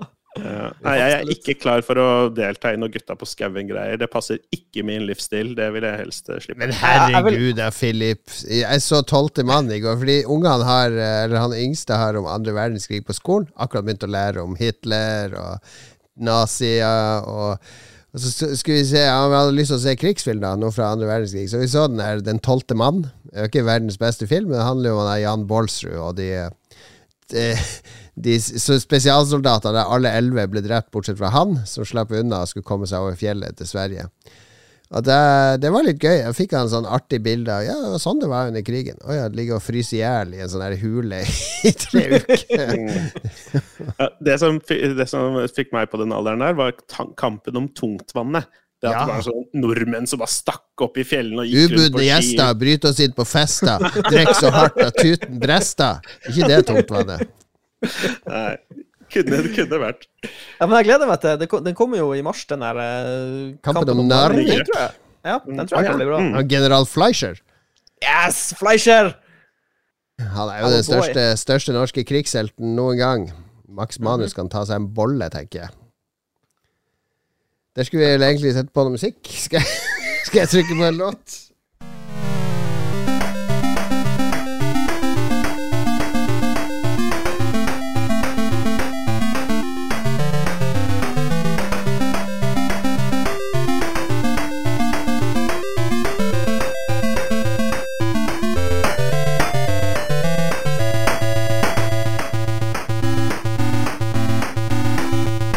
Ofte vi hører på Spektrum-musikk her i Lolbua, men eh, det er noen Spektrum 128-låter som tåler, tåler dagens ører. Det heter Dragon Spirit, det spillet. Ikke veldig kjent. Dragon Spirit. Anbefalingsspalte, karer. Det er vi klar for. Ja. Yeah, baby. Jeg skal Jeg anbefale. Jeg har den mest banale denne gangen, så la meg Ok. begynne. Ja, hva er det her for noe? Det er fordi eh, Oppe i Harstad så har vi et sted som heter Solia. Det er sikkert Solia alpinsenter. Ja. Represent! Eh, ikke revyteater, hvis det var det du sa. Men vi har det sånn slalåm-alpinanlegg som heter so Ja. Solia. Eh, som ble åpna når jeg var Jeg tror jeg var ti år, elleve år, eller noe sånt. Da åpna den første sånn ordentlige slalåmbakken i Harstad. For før det så hadde du bare hatt sånne bitte små bakker. Eh, og da ble det sånn slalåmfeber i Harstad, så jeg fikk jo slalåmski. Og så sto jeg sto en god del slalåm på vinteren da jeg var 11-12-13 år. Da dro vi ut dit eh, tre-fire ganger i løpet av vinteren og sto hele dager. Så jeg syns jo det var gøy, men jeg har ikke stått på slalåm siden jeg var 14 år. Før nå i helga, på søndag. Oh, shit. Fordi eh, de to yngste ungene mine på 10 og 12 De har heller aldri prøvd slalåm. Vi har liksom aldri kommet oss på det i Oslo, fordi A, vi har ikke utstyr, men det kan man jo låne gratis flere steder. Og B, det, det må opp til Tryvann og oppi der. Jeg har aldri vært oppi de skianleggene. Vi er mer sånn langrennsfolk, med kona mi. Men ungene har mast litt om det, spesielt han yngste, for alle i klassen er sånn slalåm. slalåm. Så vi dro ved Fjellhytta, bare 20 minutter fra den, så er det et sånn OK slalåmanlegg. Så vi dro dit, leide ski. Fikk, det var så vidt jeg fikk på meg de skoene. Jeg hadde helt glemt de her helvetes svære, tunge skoene. Og hare og jævlig. På med skiene var det selvfølgelig sånn heis som var veldig nervøs. Alle skulle ta første gang, stå og holde i sånn pinne som du skal ha mellom beina, og bli dratt oppover. Og så tok det meg ett minutt, så husker jeg egentlig alt. Så jeg drev jo Jeg kjørte jo som en gud, følte jeg sjøl det. Jeg kjørte de ungene sto sånn der, ploga ned sånn sakte ned i bunnen, og så kommer jeg ned i full fart, og så bare sånn Fra sida, rett opp mot de og spruter snø på de, og de bare Wow! wow! De ble, ble imponert av hva pappaen fikk til. Veldig kult. Jeg ville bare egentlig anbefale folk, spesielt folk som ikke har stått slalåm på lenge, som gjorde det når de var unge, og som ikke har gjort det. Eh, ta deg en tur i bakken. Hvis du bor i Oslo og skal opp, så er det masse sånne eh, frivillighetsutlånssteder der du kan låne utstyr gratis, og så kan du, eller så kan du leie der på stedet. Ta deg en tur. Det var, det var usedvanlig gøy. Altså, det ble, jeg ble som et barn igjen i den slalåmbakken. Kan vi utvide kan vi utvide til å si slalåm og eller snowboard? For jeg har ikke satt på slalåm på mange mange år, men eh, snowboard er fortsatt like artig én gang i året. Ja, snowboard, sånn moderne greier, det har jeg aldri hatt på beina. Men hvis du behersker det, så for guds skyld dra opp i bakken og stå på snowboard. Hvis vi får fem nye patrons neste måned til å spille Lolbua-tur til hytta mi på Hafjell, da skal jeg filme Jon Cato som prøver snowboard for første gang. ikke bare skal vi spille fotball mot et kvinnefotballag, vi skal også på hyttetur og stå Content, snowboard. content, Hva er det vi content, gjør med den podkasten her? Ja, det med Slalåm er jævlig nice. Jeg husker jeg var litt i samme. Jeg sto også på slalåm mye da jeg var mindre. Og så har jeg, ja, så har det bare Man har blitt eldre, og så har det blitt helt avglemt. Men kanskje man burde ta seg en, en ny tur i Solia. Det er gøy å gå fort nedover. Ja, det er jo, det er jo sinnssykt artig å bare bli dratt opp den bakken, og så bare mose du nedover i høy fart. Ja, altså, han man så god For jeg, jeg som har gått eh, langrenn i så mange år, du, har, du, har ikke så, du er ikke så stødig på de skiene. Kjører nedover på langrennsski, det er liksom, litt sånn der vaklevår. Det er som å gå på stylter, nesten. Mens Ja, med ja. de her slalåm, overgangen til slalåm Herregud, så god kontroll her. Bare suser nedover og svinger perfekt. Og, nei, det, var, det var utrolig gøy. Åh, Har kjørt noen snowblades? Har dere testa det? Det er gøy. Sånne kjempekorte ski som du kjører rundt på. Ah, artig. Okay, Nei, nei, ikke det. Ja, altså, min, min, min sportslige utfordring er å stoppe når sportsutstyret får engelsk navn. Jeg kan stå på slalåmski. Jeg kan kjøre slalåm og utfor. Jeg kan ikke stå på snowboard. Eller snowblades. Eller rollerblades. Det er for moderne for meg. Rulleskøyter. Jeg du kan gå på rulleskøyter. Det går bra. Jeg kan ikke stå på rollerblades. Jeg er gammel. Jeg har et, jeg har et snøbrett du kan låne, Jon Cato. Det går fint. Yes, takk. Snøfjøl. Ok, uh, Mats, du har hørt på Ja. music. Jeg har hørt på music. Um, jeg har et um, ganske tett forhold til Madrugada, altså band. For um, de her eh, førsteplatene deres kom ut uh, når jeg gikk på videregående, og når jeg var i militæret. Så jeg har hørt Oh. psyko mye på Madrugada. det er Nord-Norges svar på The Ja, Cure. Sivert det er Høie, Emo-rocken. Emo rocken. Ja, så- deg tenk deg å være på nachspiel med han Sivert Høyem.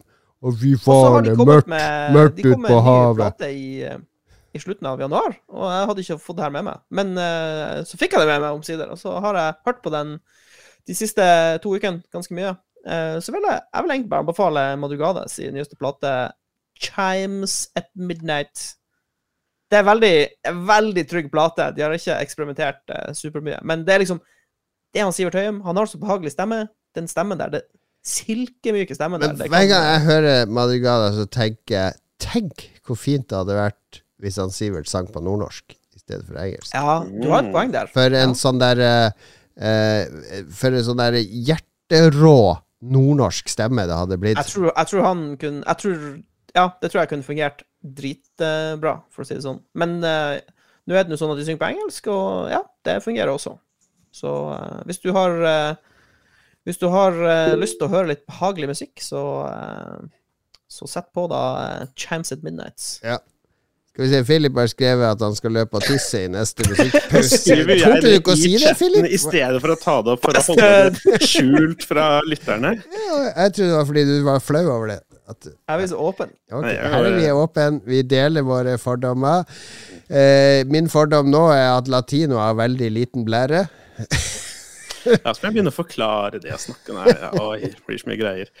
Ok, Madrugada, jeg kan støtte Mats i den. Men så kommer vi Nå er vi inne i Mats-territoriet hos Philip òg. Er det virkelig sånn at du faktisk har hørt på Mats sin anbefaling? Var det det som fikk deg til å lese Expanse-bøkene, Philip? Han har jo sett TV-serien, sikkert. Ja, for jeg skulle, jeg skulle ønske jeg kunne si at det var, eh, at det var Mats, eh, Mats sin skyld. Mats står jo bak mye annet positivt i livet mitt, tross alt. Eh, Men jeg har jo sett TV-serien. Jeg har mm. den eh, så vidt her for en måned siden. At jeg har endelig sett den ferdig, og det er noe alle sci-fi-fans burde sjekke ut. Ja. Og den er kjempegod, alt det der. Men den er jo basert på da bøker, som er opptil Ja, det er en haug med minibøker, men det er da ni hovedvolum. Og serien dekker bare de seks første. Ja. Og det er eh, veldig fristende sikkert for mange å bare gi seg der og se serien, for den avsluttes på en grei nok måte. Men jeg anbefaler alle å enten anskaffe lydbøkene, som jeg har gjort, eller eh, anskaffe selve boka, selvfølgelig, og ta og komme seg gjennom de tre avsluttende volumene i, i Expanse-serien. Eh, den gjør Den avslutter veldig mye på en veldig mye bedre måte enn det serien gjør. Eh, og serien, serien har en del røde tråder som bare blir flytende ut i intet. Og jeg, jeg har lest noe om at regissøren sa at ja, sånn måtte det bli litt når vi synes er en ålreit løsning. Men det er sikkert flere der ute som meg som er litt for nysgjerrige til å la de, la de ligge. Og det syns jeg var veldig, veldig spennende å få fulgt opp. Ja, det er, det er sinnssykt bra, de siste bøkene. For det, de Mm. gjør noe veldig unikt i en serie. Fordi uh, uten å spoile for mye, så er det ganske store endringer, for å si det sånn. Og det fungerer dritbra. Mm. Ja. Apropos Ja, det det med røde tråder, eller at ting skal være ukjent og uforklart og sånn, er det Jeg føler jo for eksempel eh, Nei, vi trenger ikke å ta det. Vi tar det en annen gang. Det er jo en del sånn mystikk rundt dette proto-molecule som eh, blir presentert i serien og sånne ting. Og den, det er det som er det mest spennende for meg på en måte da, i hele serien, er disse utrolig store mystiske spørsmålene som er nesten uten utenfor vår forståelse, som vi blir hinta til. Og det, det hjelper veldig å få en videreføring av det. um, Som jeg føler nesten er det hele Expanse handler om, er jo eh, protomoleculen som åpner disse gatene til alle disse systemene og sånne ting. Og det, ja, få en avslutning på det, i stedet for bare den politiske type avslutninga som man fikk i serien med at å, alle menneskene er snille nå. Det, Nå er det mye spoilers! Nå er det mye spoilers her. det var jo for serien. Det, Det det er ikke alle som har sett serien. Send meg en mail. Philip.loba.no. Send en mail. Han leser den mens han er på do. Eh, imens så kjører vi slalåm, vi hører på Madrugada, og vi leser Expanse-bøkene, eh, spesifikt 7, 8 og 9.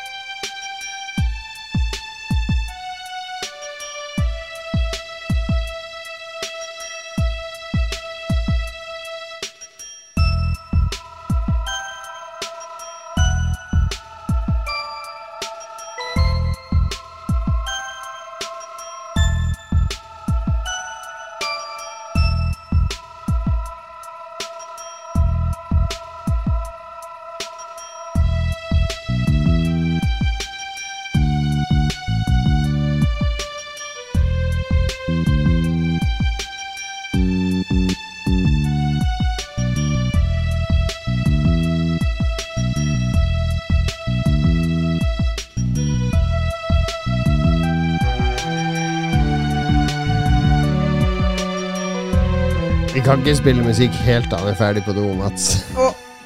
Nå skal han plutselig være lenge på do. Han tok seg nær av det. Hvis. Ja, der kommer han.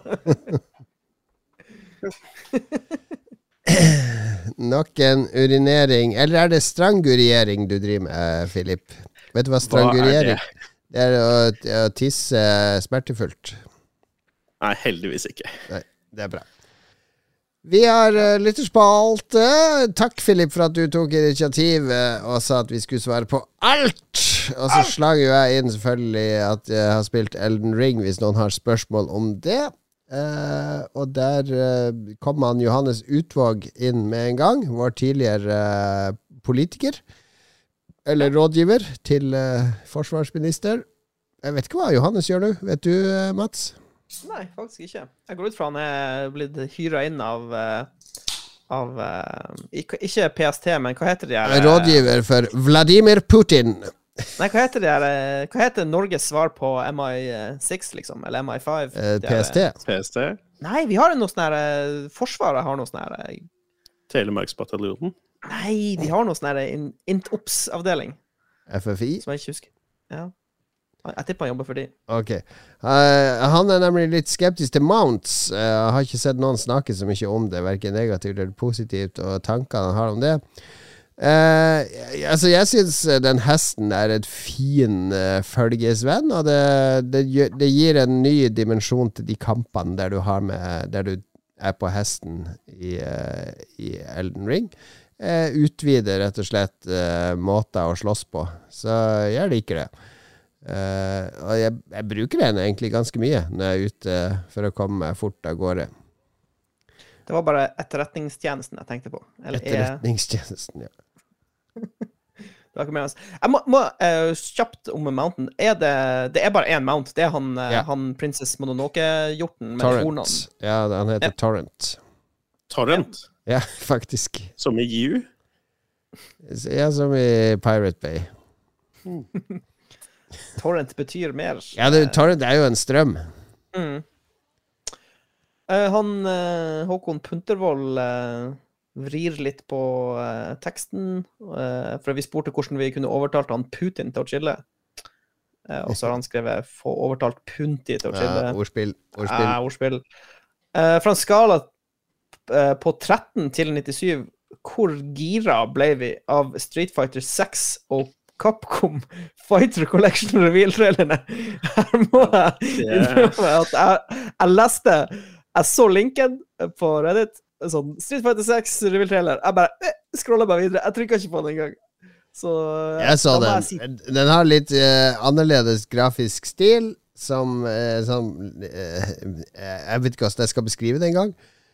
Men eh, gira er jo feil å si. Jeg, jeg vet jo at vi har sånn som eh, Carl Thomas og Punti og andre som er eh, ganske harde Street Fighter-fans. det er et veldig sosialt og gøy spill. Vi burde jo hatt det med på hytteturen, egentlig, Mats. Ja, men det er som er problemet. Jeg tror at hvis ikke du har noen i gjengen din som er en Street Fighter-disippel, så, så vil det bare forsvinne sakte, men sikkert. Vi har liksom ingen i crewet vårt som er, er noen sånn fight, uh, fighter-dude. Ja. Nei, det, Det var, spørsmålet var jo hvor hype vi ble av å se traileren. Jeg hadde ikke sett traileren. Nå 40 sekunder senere Du kjenner serien. Street Fighter, selv om det ikke er walking-simulator. Ja, dette har jeg vært borti, borti tidligere. Ja. Okay. jeg. Eh, jeg, jeg er jo ikke vanskelig å bli noe særlig hype over den traileren. Det var jo bare litt muskler. Altså, ja. Herremuskler, det pirrer meg. Herregud. En muskuløs, veltrent kropp. Ja, det er ikke noe er lite Du venter til. Chun-Li-traileren kommer før, uh, før pirringa starter. Kanskje Jeg diskriminerer ingen. Skjønner at det er realt. Ok. Men, ja, nei, det var Kunne bare det Tifa vært en karakter i Street Fighter? Ja, Hun er en uh, character i Dissidia, som er et sånn slåsspill uh, utgitt av ute borti Japan.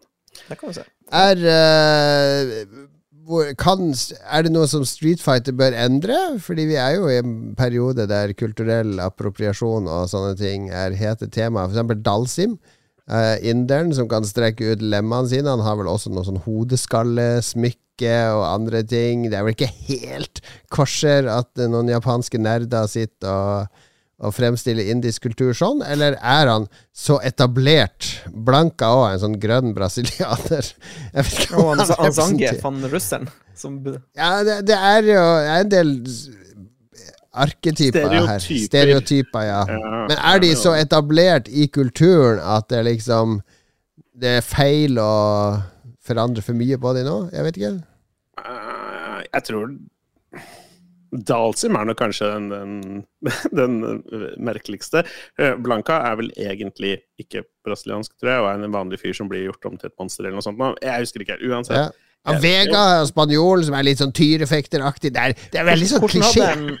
hvordan hadde en Street Fighter-karakter fra Norge sett ut? Hadde det vært en fisker eller en viking? Jeg hadde vært sånn idiot med sånn sekk og nisselue. ja, Skulle ha Han Oluf. Ja, Oluf. New challenger approaches, og så hører du bare Hva i fasken?! Kommer da Oluf rullende inn. Ja, Det der Capcom Fighting Collection, er det noe, er det noe annet?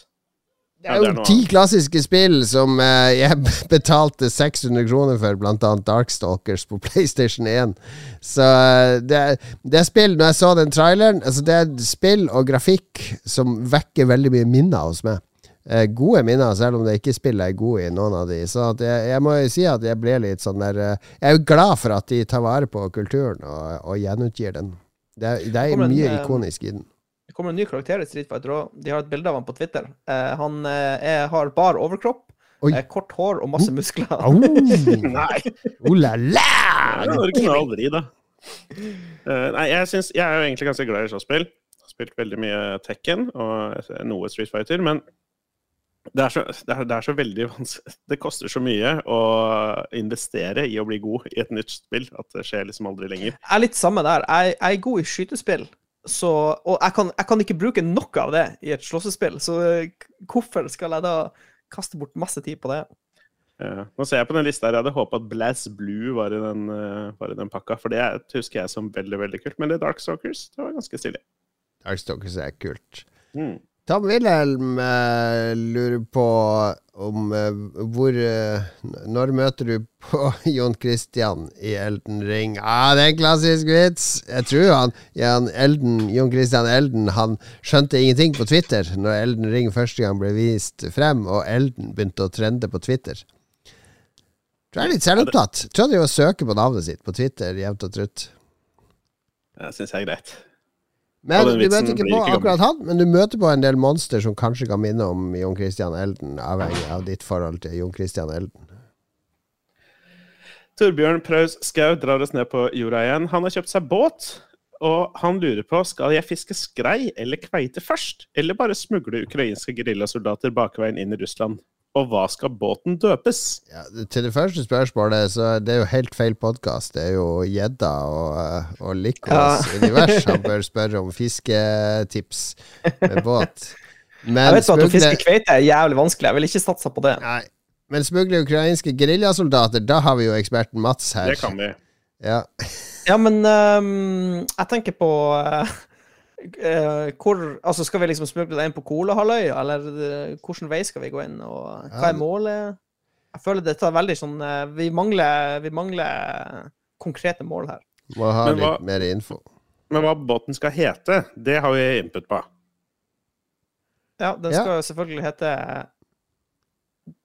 Glorious Fist. Glorious Fist eh, skal båten hete. Skau. Hvis kona spør, bare skyld på Lolbua. Bare si at en fyr på internettet sa at båten Ja. skulle hete det. Jeg forventer en video av din kone, eh, en flaske champagne i et tau, som slenger den fram mot baugen på båten og bare knuser champagnen utover navnet Glorious Fist. Kanskje det beste båtnavnet jeg har hørt noensinne. Kommer ikke unna det nå. Så der har vi fasiten. Simen Rudiløkken lurer på hvor vi er mest kilen. Jeg tror Jeg vet ikke. Jeg er ikke så kilen under føttene, men jeg mistenker jeg er ganske kilen på mage, i mageregionen. Mistenker det ingen som har kilt deg på magen, Mats? Jo, jo, jo, men jeg vet ikke om jeg Altså, jeg er jo kilen under føttene òg, men jeg vet ikke om jeg hvor det, Spørsmålet er hvor er dere mest kilende? Jeg vet ikke. Hvordan måler man det? Jeg er ganske lite kilen, egentlig. Ja. Hvordan måler man det? Høres ut som en Ruffel Bø-episode. Eh, Jeg er ganske sensitiv under armene, merker jeg. Eh, Ja. Jeg, jeg tror det er under beina, for min del. får vi finne Ja. ut av. Martin uh, Pettersen, sånn apropos um, kilden Uh, Han lurer på hva, vårt, uh, hva er vårt kleineste øyeblikk i en seksuell setting. Og så kommer han selvfølgelig med forslag. Klarte ikke å holde igjen fisen. Intimbarbering gone wrong. Ny rekord på 3,5 minutter. Det var jo ganske lenge. Ja, det, jeg tenkte jeg, altså. Er Det er jo tre minutter, tre og et halvt minutt. Det er jo et maraton, folkens. Vi kan holde og kjøre to runder på den tida. det er et sånt Lars-spørsmål. Jeg nekter å svare på det. Det er laga for Lars. Philip har noe juicy her. Det er jo derfor Ragequit får så mye mer, eh, mer lyttebidrag enn det Lulba får, fordi de svarer jo på, på sånn som dette her. Nei, jeg vet ikke om jeg har noe sånn utrolig, utrolig, utrolig kleint. Eh, ja, jo, OK. Jo, jeg har faktisk et par stykker, men jeg, jeg tror vi skal spare de til Roffelbua. Men uh, Kom igjen, da. Du kan ikke, det, det, du kan ikke s- Få oss en De kan ikke selge Roffelbua på Ja, nei, ok, det er bare, det er bare sånn litt sånn semilang. Jeg skal prøve å ta så kort som mulig. Jeg husker jeg var, jeg var i, i Afrika i en måned fordi på sånne talentleirgreier når jeg var ung og lovende artist. Og så møtte jeg en Å nei, tenk om jeg hører på. Åh, ok. Så møtte jeg en jente fra Trøndelag som var veldig blond og pen og fin. Og så flørta jeg masse med henne, og så bygde jeg opp liksom eh, min, mine seksuelle ferdigheter er grunn nok til at hun skal ha seg liksom et sidesprang når hun først nå er nede i Afrika. Og på dag fem eller noe sånt, så endelig så OK, da. Og så var det eh, relativt lite imponerende, for å si det sånn. Eh, jeg bare husker det var veldig veldig flaut å sitte på, ute sammen med henne på trappa, ta en røyk etterpå og prøve å bortforklare hvorfor jeg ikke klarte å leve opp til noe av det jeg eh, hadde da åpenbart jugd om på forhånd. At jeg var i stand til å gjennomføre i senga. Men vi har alle vært 17 år på et eller annet tidspunkt, eh, tross alt. Ja, det, jeg tror vi, hvis jeg eh, først skal dele her Ja, Så, eh. Det mitt var en eller annen eh, dame jeg møtte på byen for mange mange år siden, som endte opp eh, med å ta taxi hjem til henne, da. Men så viste det seg hun bodde jo med, med fortsatt hjemme, da. så, så vi kunne ikke gå opp på soverommet fordi faren lå og sov i rommet ved siden av, og dit og datt, så vi måtte holde på i stua. Og så hei, tror jeg tre ganger mens vi holdt på, så kom det sånn knirking oppe, så måtte jeg drive og gjemme meg inne på spisestua, mens hun eh, satt i stua. 'Jeg ser bare på TV, pappa', og sånne ting.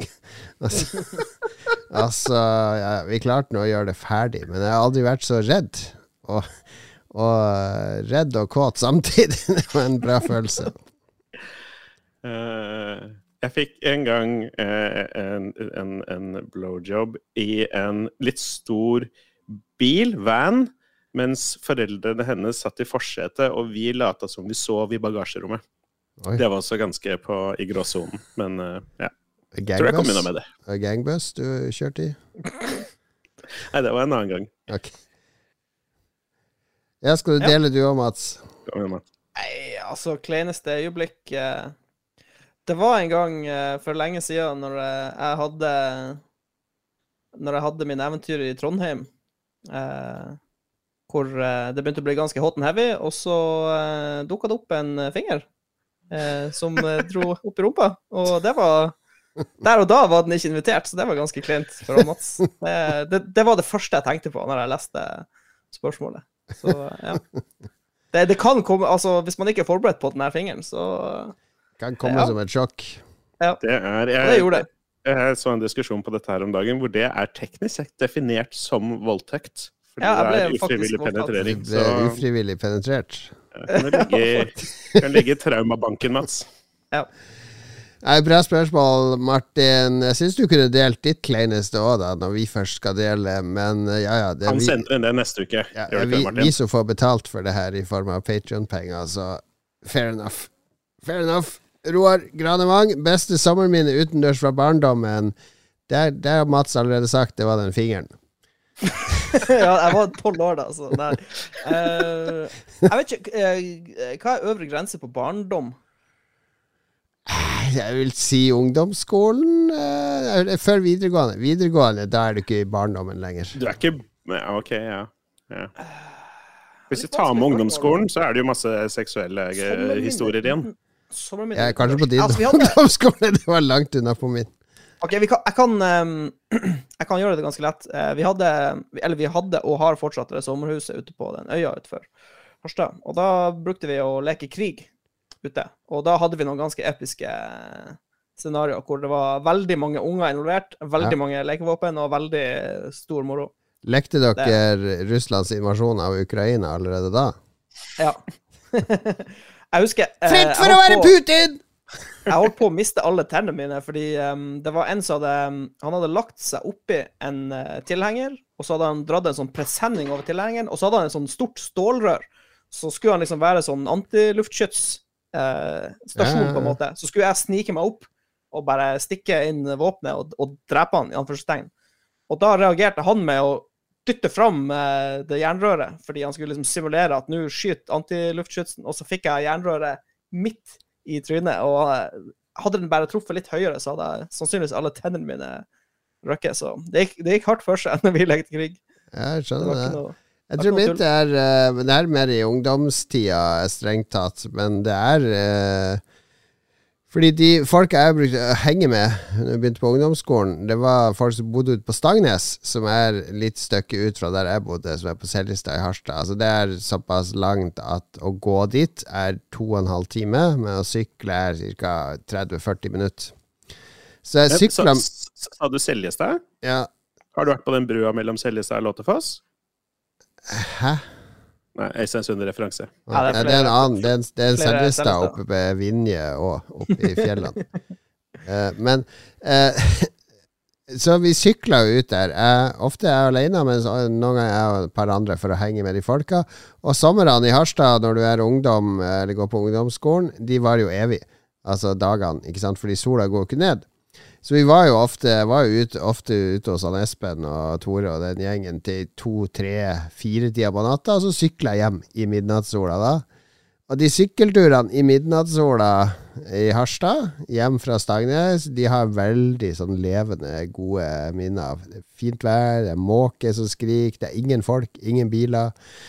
En hverdag. Jeg kan sove så lenge jeg vil dagen etter. Ah, det, det er magisk, rett og slett.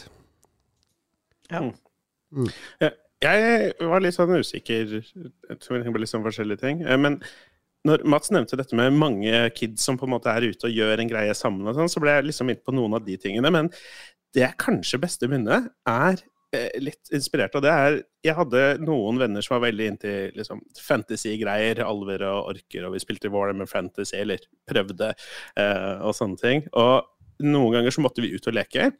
Og da kunne vi bare finne noen pinner, og så kunne vi gå dra på sånne utrolige eventyr i sånn flere timer, hvor vi bare fant opp i hodene våre at nå er vi i inngangen til et slott, og så har jeg denne pinnen som er en sånn type ting, og så finner vi nye items. Og, og eh, hvordan vi klarte å underholde oss selv med å ha det så spennende inni hodet vårt mens vi løper rundt i noen kvadratmeter hage, det er noe er antageligvis en ferdighet som jeg ikke har lenger. Det, Dere uh, live-roleplaya uten å være klar over det. ja, egentlig. det, det, det husker jeg var veldig spennende. Bare lage de verdenene i hodet sitt og dra på disse eventyrene husker jeg fortsatt som noe som var skikkelig artig. Jeg tror den er høyt der oppe. Nå nærmer vi oss to timer. Vi rekker gjennom alle disse spørsmålene. Vi har fått, fått veldig mange gode spørsmål. Ja, relatert, Øystein Reinersen, hvor lei er dere egentlig av lytterspalten? uh, nei, ja, hvis det er gode spørsmål, så går det greit. Så, Ja, det er ikke det det- neste fra Marius. Om vi ikke er, er det ikke kreative nok til å lage en full episode uten tåpelige spørsmål fra publikum? Jo, vi er det. Vi var oppe i halvannen time før lytterspalten, Marius.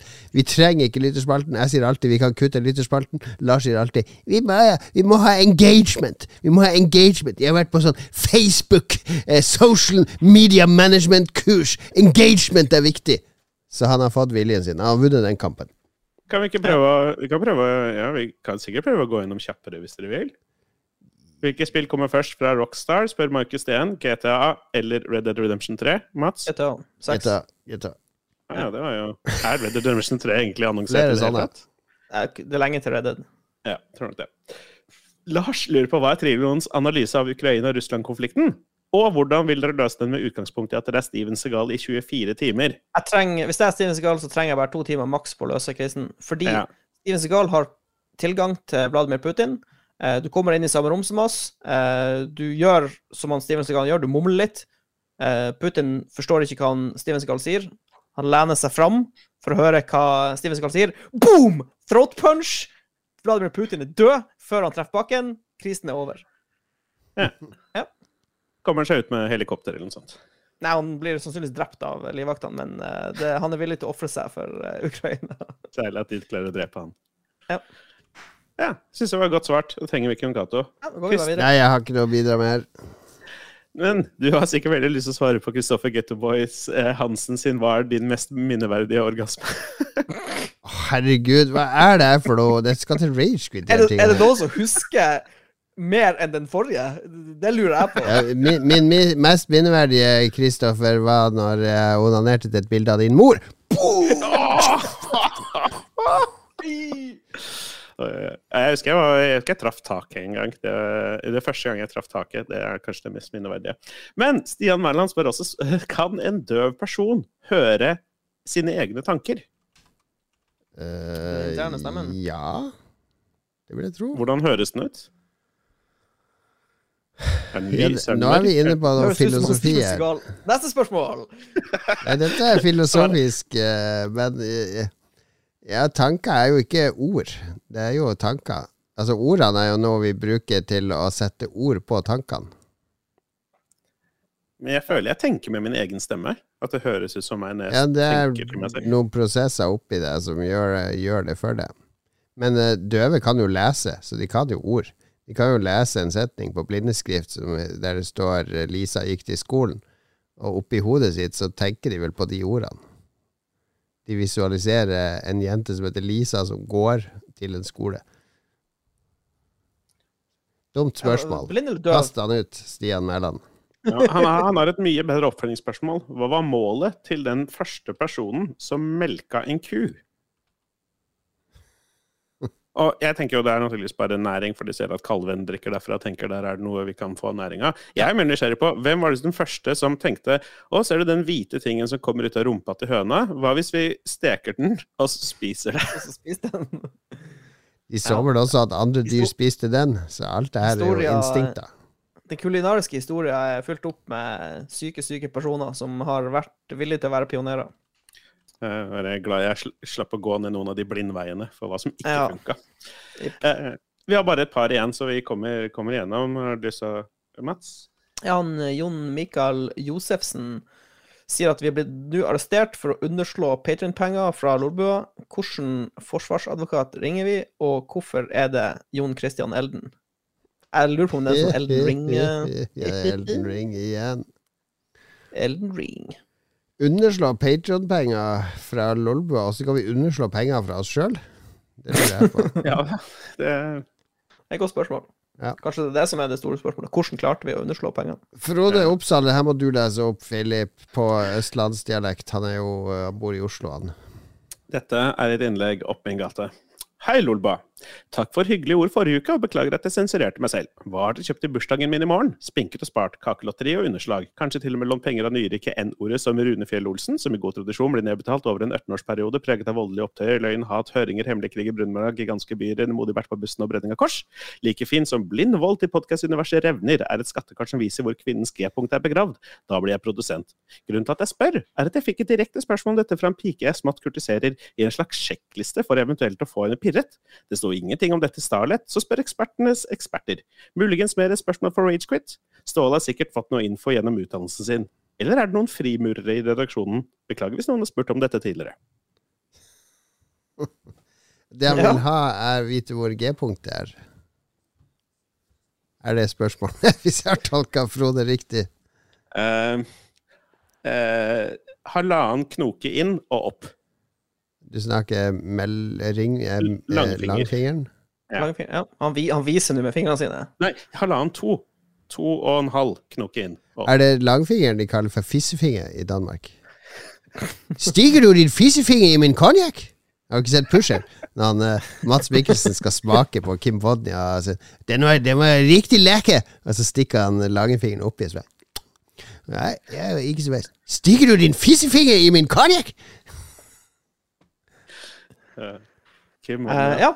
Vi har et siste skjønt, spørsmål. ja, skjønner du, Frode. Du bruker langfingeren, eller på dansk fissefingeren, og så er det en og en halv knoke opp knoke, er det så langt? Ja. Men det kommer ikke det litt an på hvor lang finger du har òg? Uh, ja, det vil jeg påstå. Ja, eller hvor dyp, kort, dyp vagina det er da, da. ja, og ikke sant? Så skjer det ingenting. Nei, OK. Trygve Bjellbakk. Jeg- Ring til Philip, så kommer han. Han kan finne G-punktet for det. Bare hun, hun legger seg klar, så så- kan Philip det, hjelpe deg. det er en tjeneste bare for patrions, faktisk. Ja, han Men, er eh, Patrion, han Frode. Ja, det er Patron-eksklusiv tjeneste. Ja. Philip kan assistere. Ja, Trygve Bjellvåg lurer helt til sist på spille med trainers. Han har sett en, eh, at den eneste måten han kan fordøye et OK spill på, som er ja, veldig langt, er å bruke trainers, som er en type modding, Mats? Er ikke det bare sånn lite jukseprogram hvor du kan gi deg sjøl eh, mer liv og e- evig ammo og sånn? Ja. Jeg har ikke vært borti det, men det, det, han bruker noe som heter Vmod Pro. Og det kan du egentlig Du modder jo spillene da til å ikke At du ikke mister helse, f.eks. Men er det Dette må jeg innrømme, dette trodde jeg ikke var et problem. Er det ikke bare å sette på easy, og så er det liksom Kan du gjøre det i blinde? Jeg tror det Trygve, Trygve jobber jo på Høgskolen Kristiania med spillutdanning der, ikke sant. Så mye spilling for han er nok, som han sier, han er mer interessert i å se bak fasaden av spill, for det går i tråd med hovedjobben hans. Han ser det her som en ypperlig mulighet for å få spilt mer enn eh, en han hadde om det var uten trainers. Så han er nok interessert i å, å studere spillene mer enn den spillopplevelsen. For jeg mener å bruke trainers, hvis du skal ha den genuine opplevelsen, det, da tar du bort veldig mye. Men jeg skal ikke si at det er feil av folk å gjøre det. Ja, det, For meg så virker det også veldig fremmed, men uh, det kan, hvis det fungerer for deg, hvis du får noe ut av det, og gå går gjennom spillet og, Ja, han sier han er bruker det på spill som han ønsker å se i sømmene, og som han gjerne ikke bryr seg så mye om eh, spillopplevelsen i. Så det er jo en slags research. Selvfølgelig, hvis du er forsker, så skal jo ikke tvinge deg til å lese en bok fra side 1 til side 100 hvis du er ute etter noe informasjon i et spesifikt kapittel. Det er jo litt samme måte. Altså hvis, hvis du forsker på spill og skal bruke det i undervisningssammenheng, selvfølgelig så må du jo spille spillene akkurat sånn som det passer deg. Eh, Jeg syns dette er helt, helt innafor. trainers det er en type live modding, altså liksom du kan fikse på ting. eh, Ja. Gjøre deg selv uovervinnelig og sånn. Og, eh, ta et spill som Dark Souls, som tidligere nevnt, som jeg, jeg, jeg har så lyst til å utforske hele den verdenen, for de virker så spennende og kule og svære, men jeg kommer aldri til å få gjort det, fordi det krever for mye å komme over den kneika og være liksom, ja, og spille det mekanisk. Eh, sleng på en trainer og la meg liksom Dark Souls, the walking simulator! Ja, bare gjør det til en walking simulator, og så skal jeg være med, jeg. Nei, dette er helt, helt i orden, Trygve. Man, uh, eh, ingen kan komme her og si at du nyter kunst feil. Bare du ikke gjør det her når du spiller online med andre, Trygve, for da krysser man Da en grense. Da blir du steina til døde av uh, Mats og meg. Må ikke jukse. Ikke noe juks. Eh, dere må lese opp navnene på våre produsenter. Kan ta annenhver, så må dere lese det opp i Lars sin covid-syke stemme. OK. Anne-Beth! Åh, Krallnord. Han ligger i sofaen, Duke Jarlsberg. Å, det er så kaldt med teppe. Gøran Helge Nilsen. Kenneth Kobrakar 84. Kan jeg få en Paracet til? Og han onkel Stian. Åh, Horizon! Jean 59. Og pinne langt opp i nesa og teste TTM-eksempel. Veldig, veldig bra. Takk for at du hører på, kjære lytter. Takk for at du støtter oss på Patreon Hør også på Lykke og Gjeddas univers og Ragequit, våre søsterpodkaster. Spiller vi en annen pause denne uka pga. covid og vinterferie, men vi kommer sterkt tilbake med episode 100 neste uke, så det kan du glede deg til. Eh, takk til deg, Mats, som var med Ja. nok en gang. Neste uke, når vi snakker sammen, så er du langt ute i Elden Ring. Tenk på det. Da er jeg maks level i uh, Witch Queen og uh, langt inn i det Elden Ring. Det blir sweet. Og du, Philip, hva skal du spille fremover nå? Final Fantasy 7. Nei.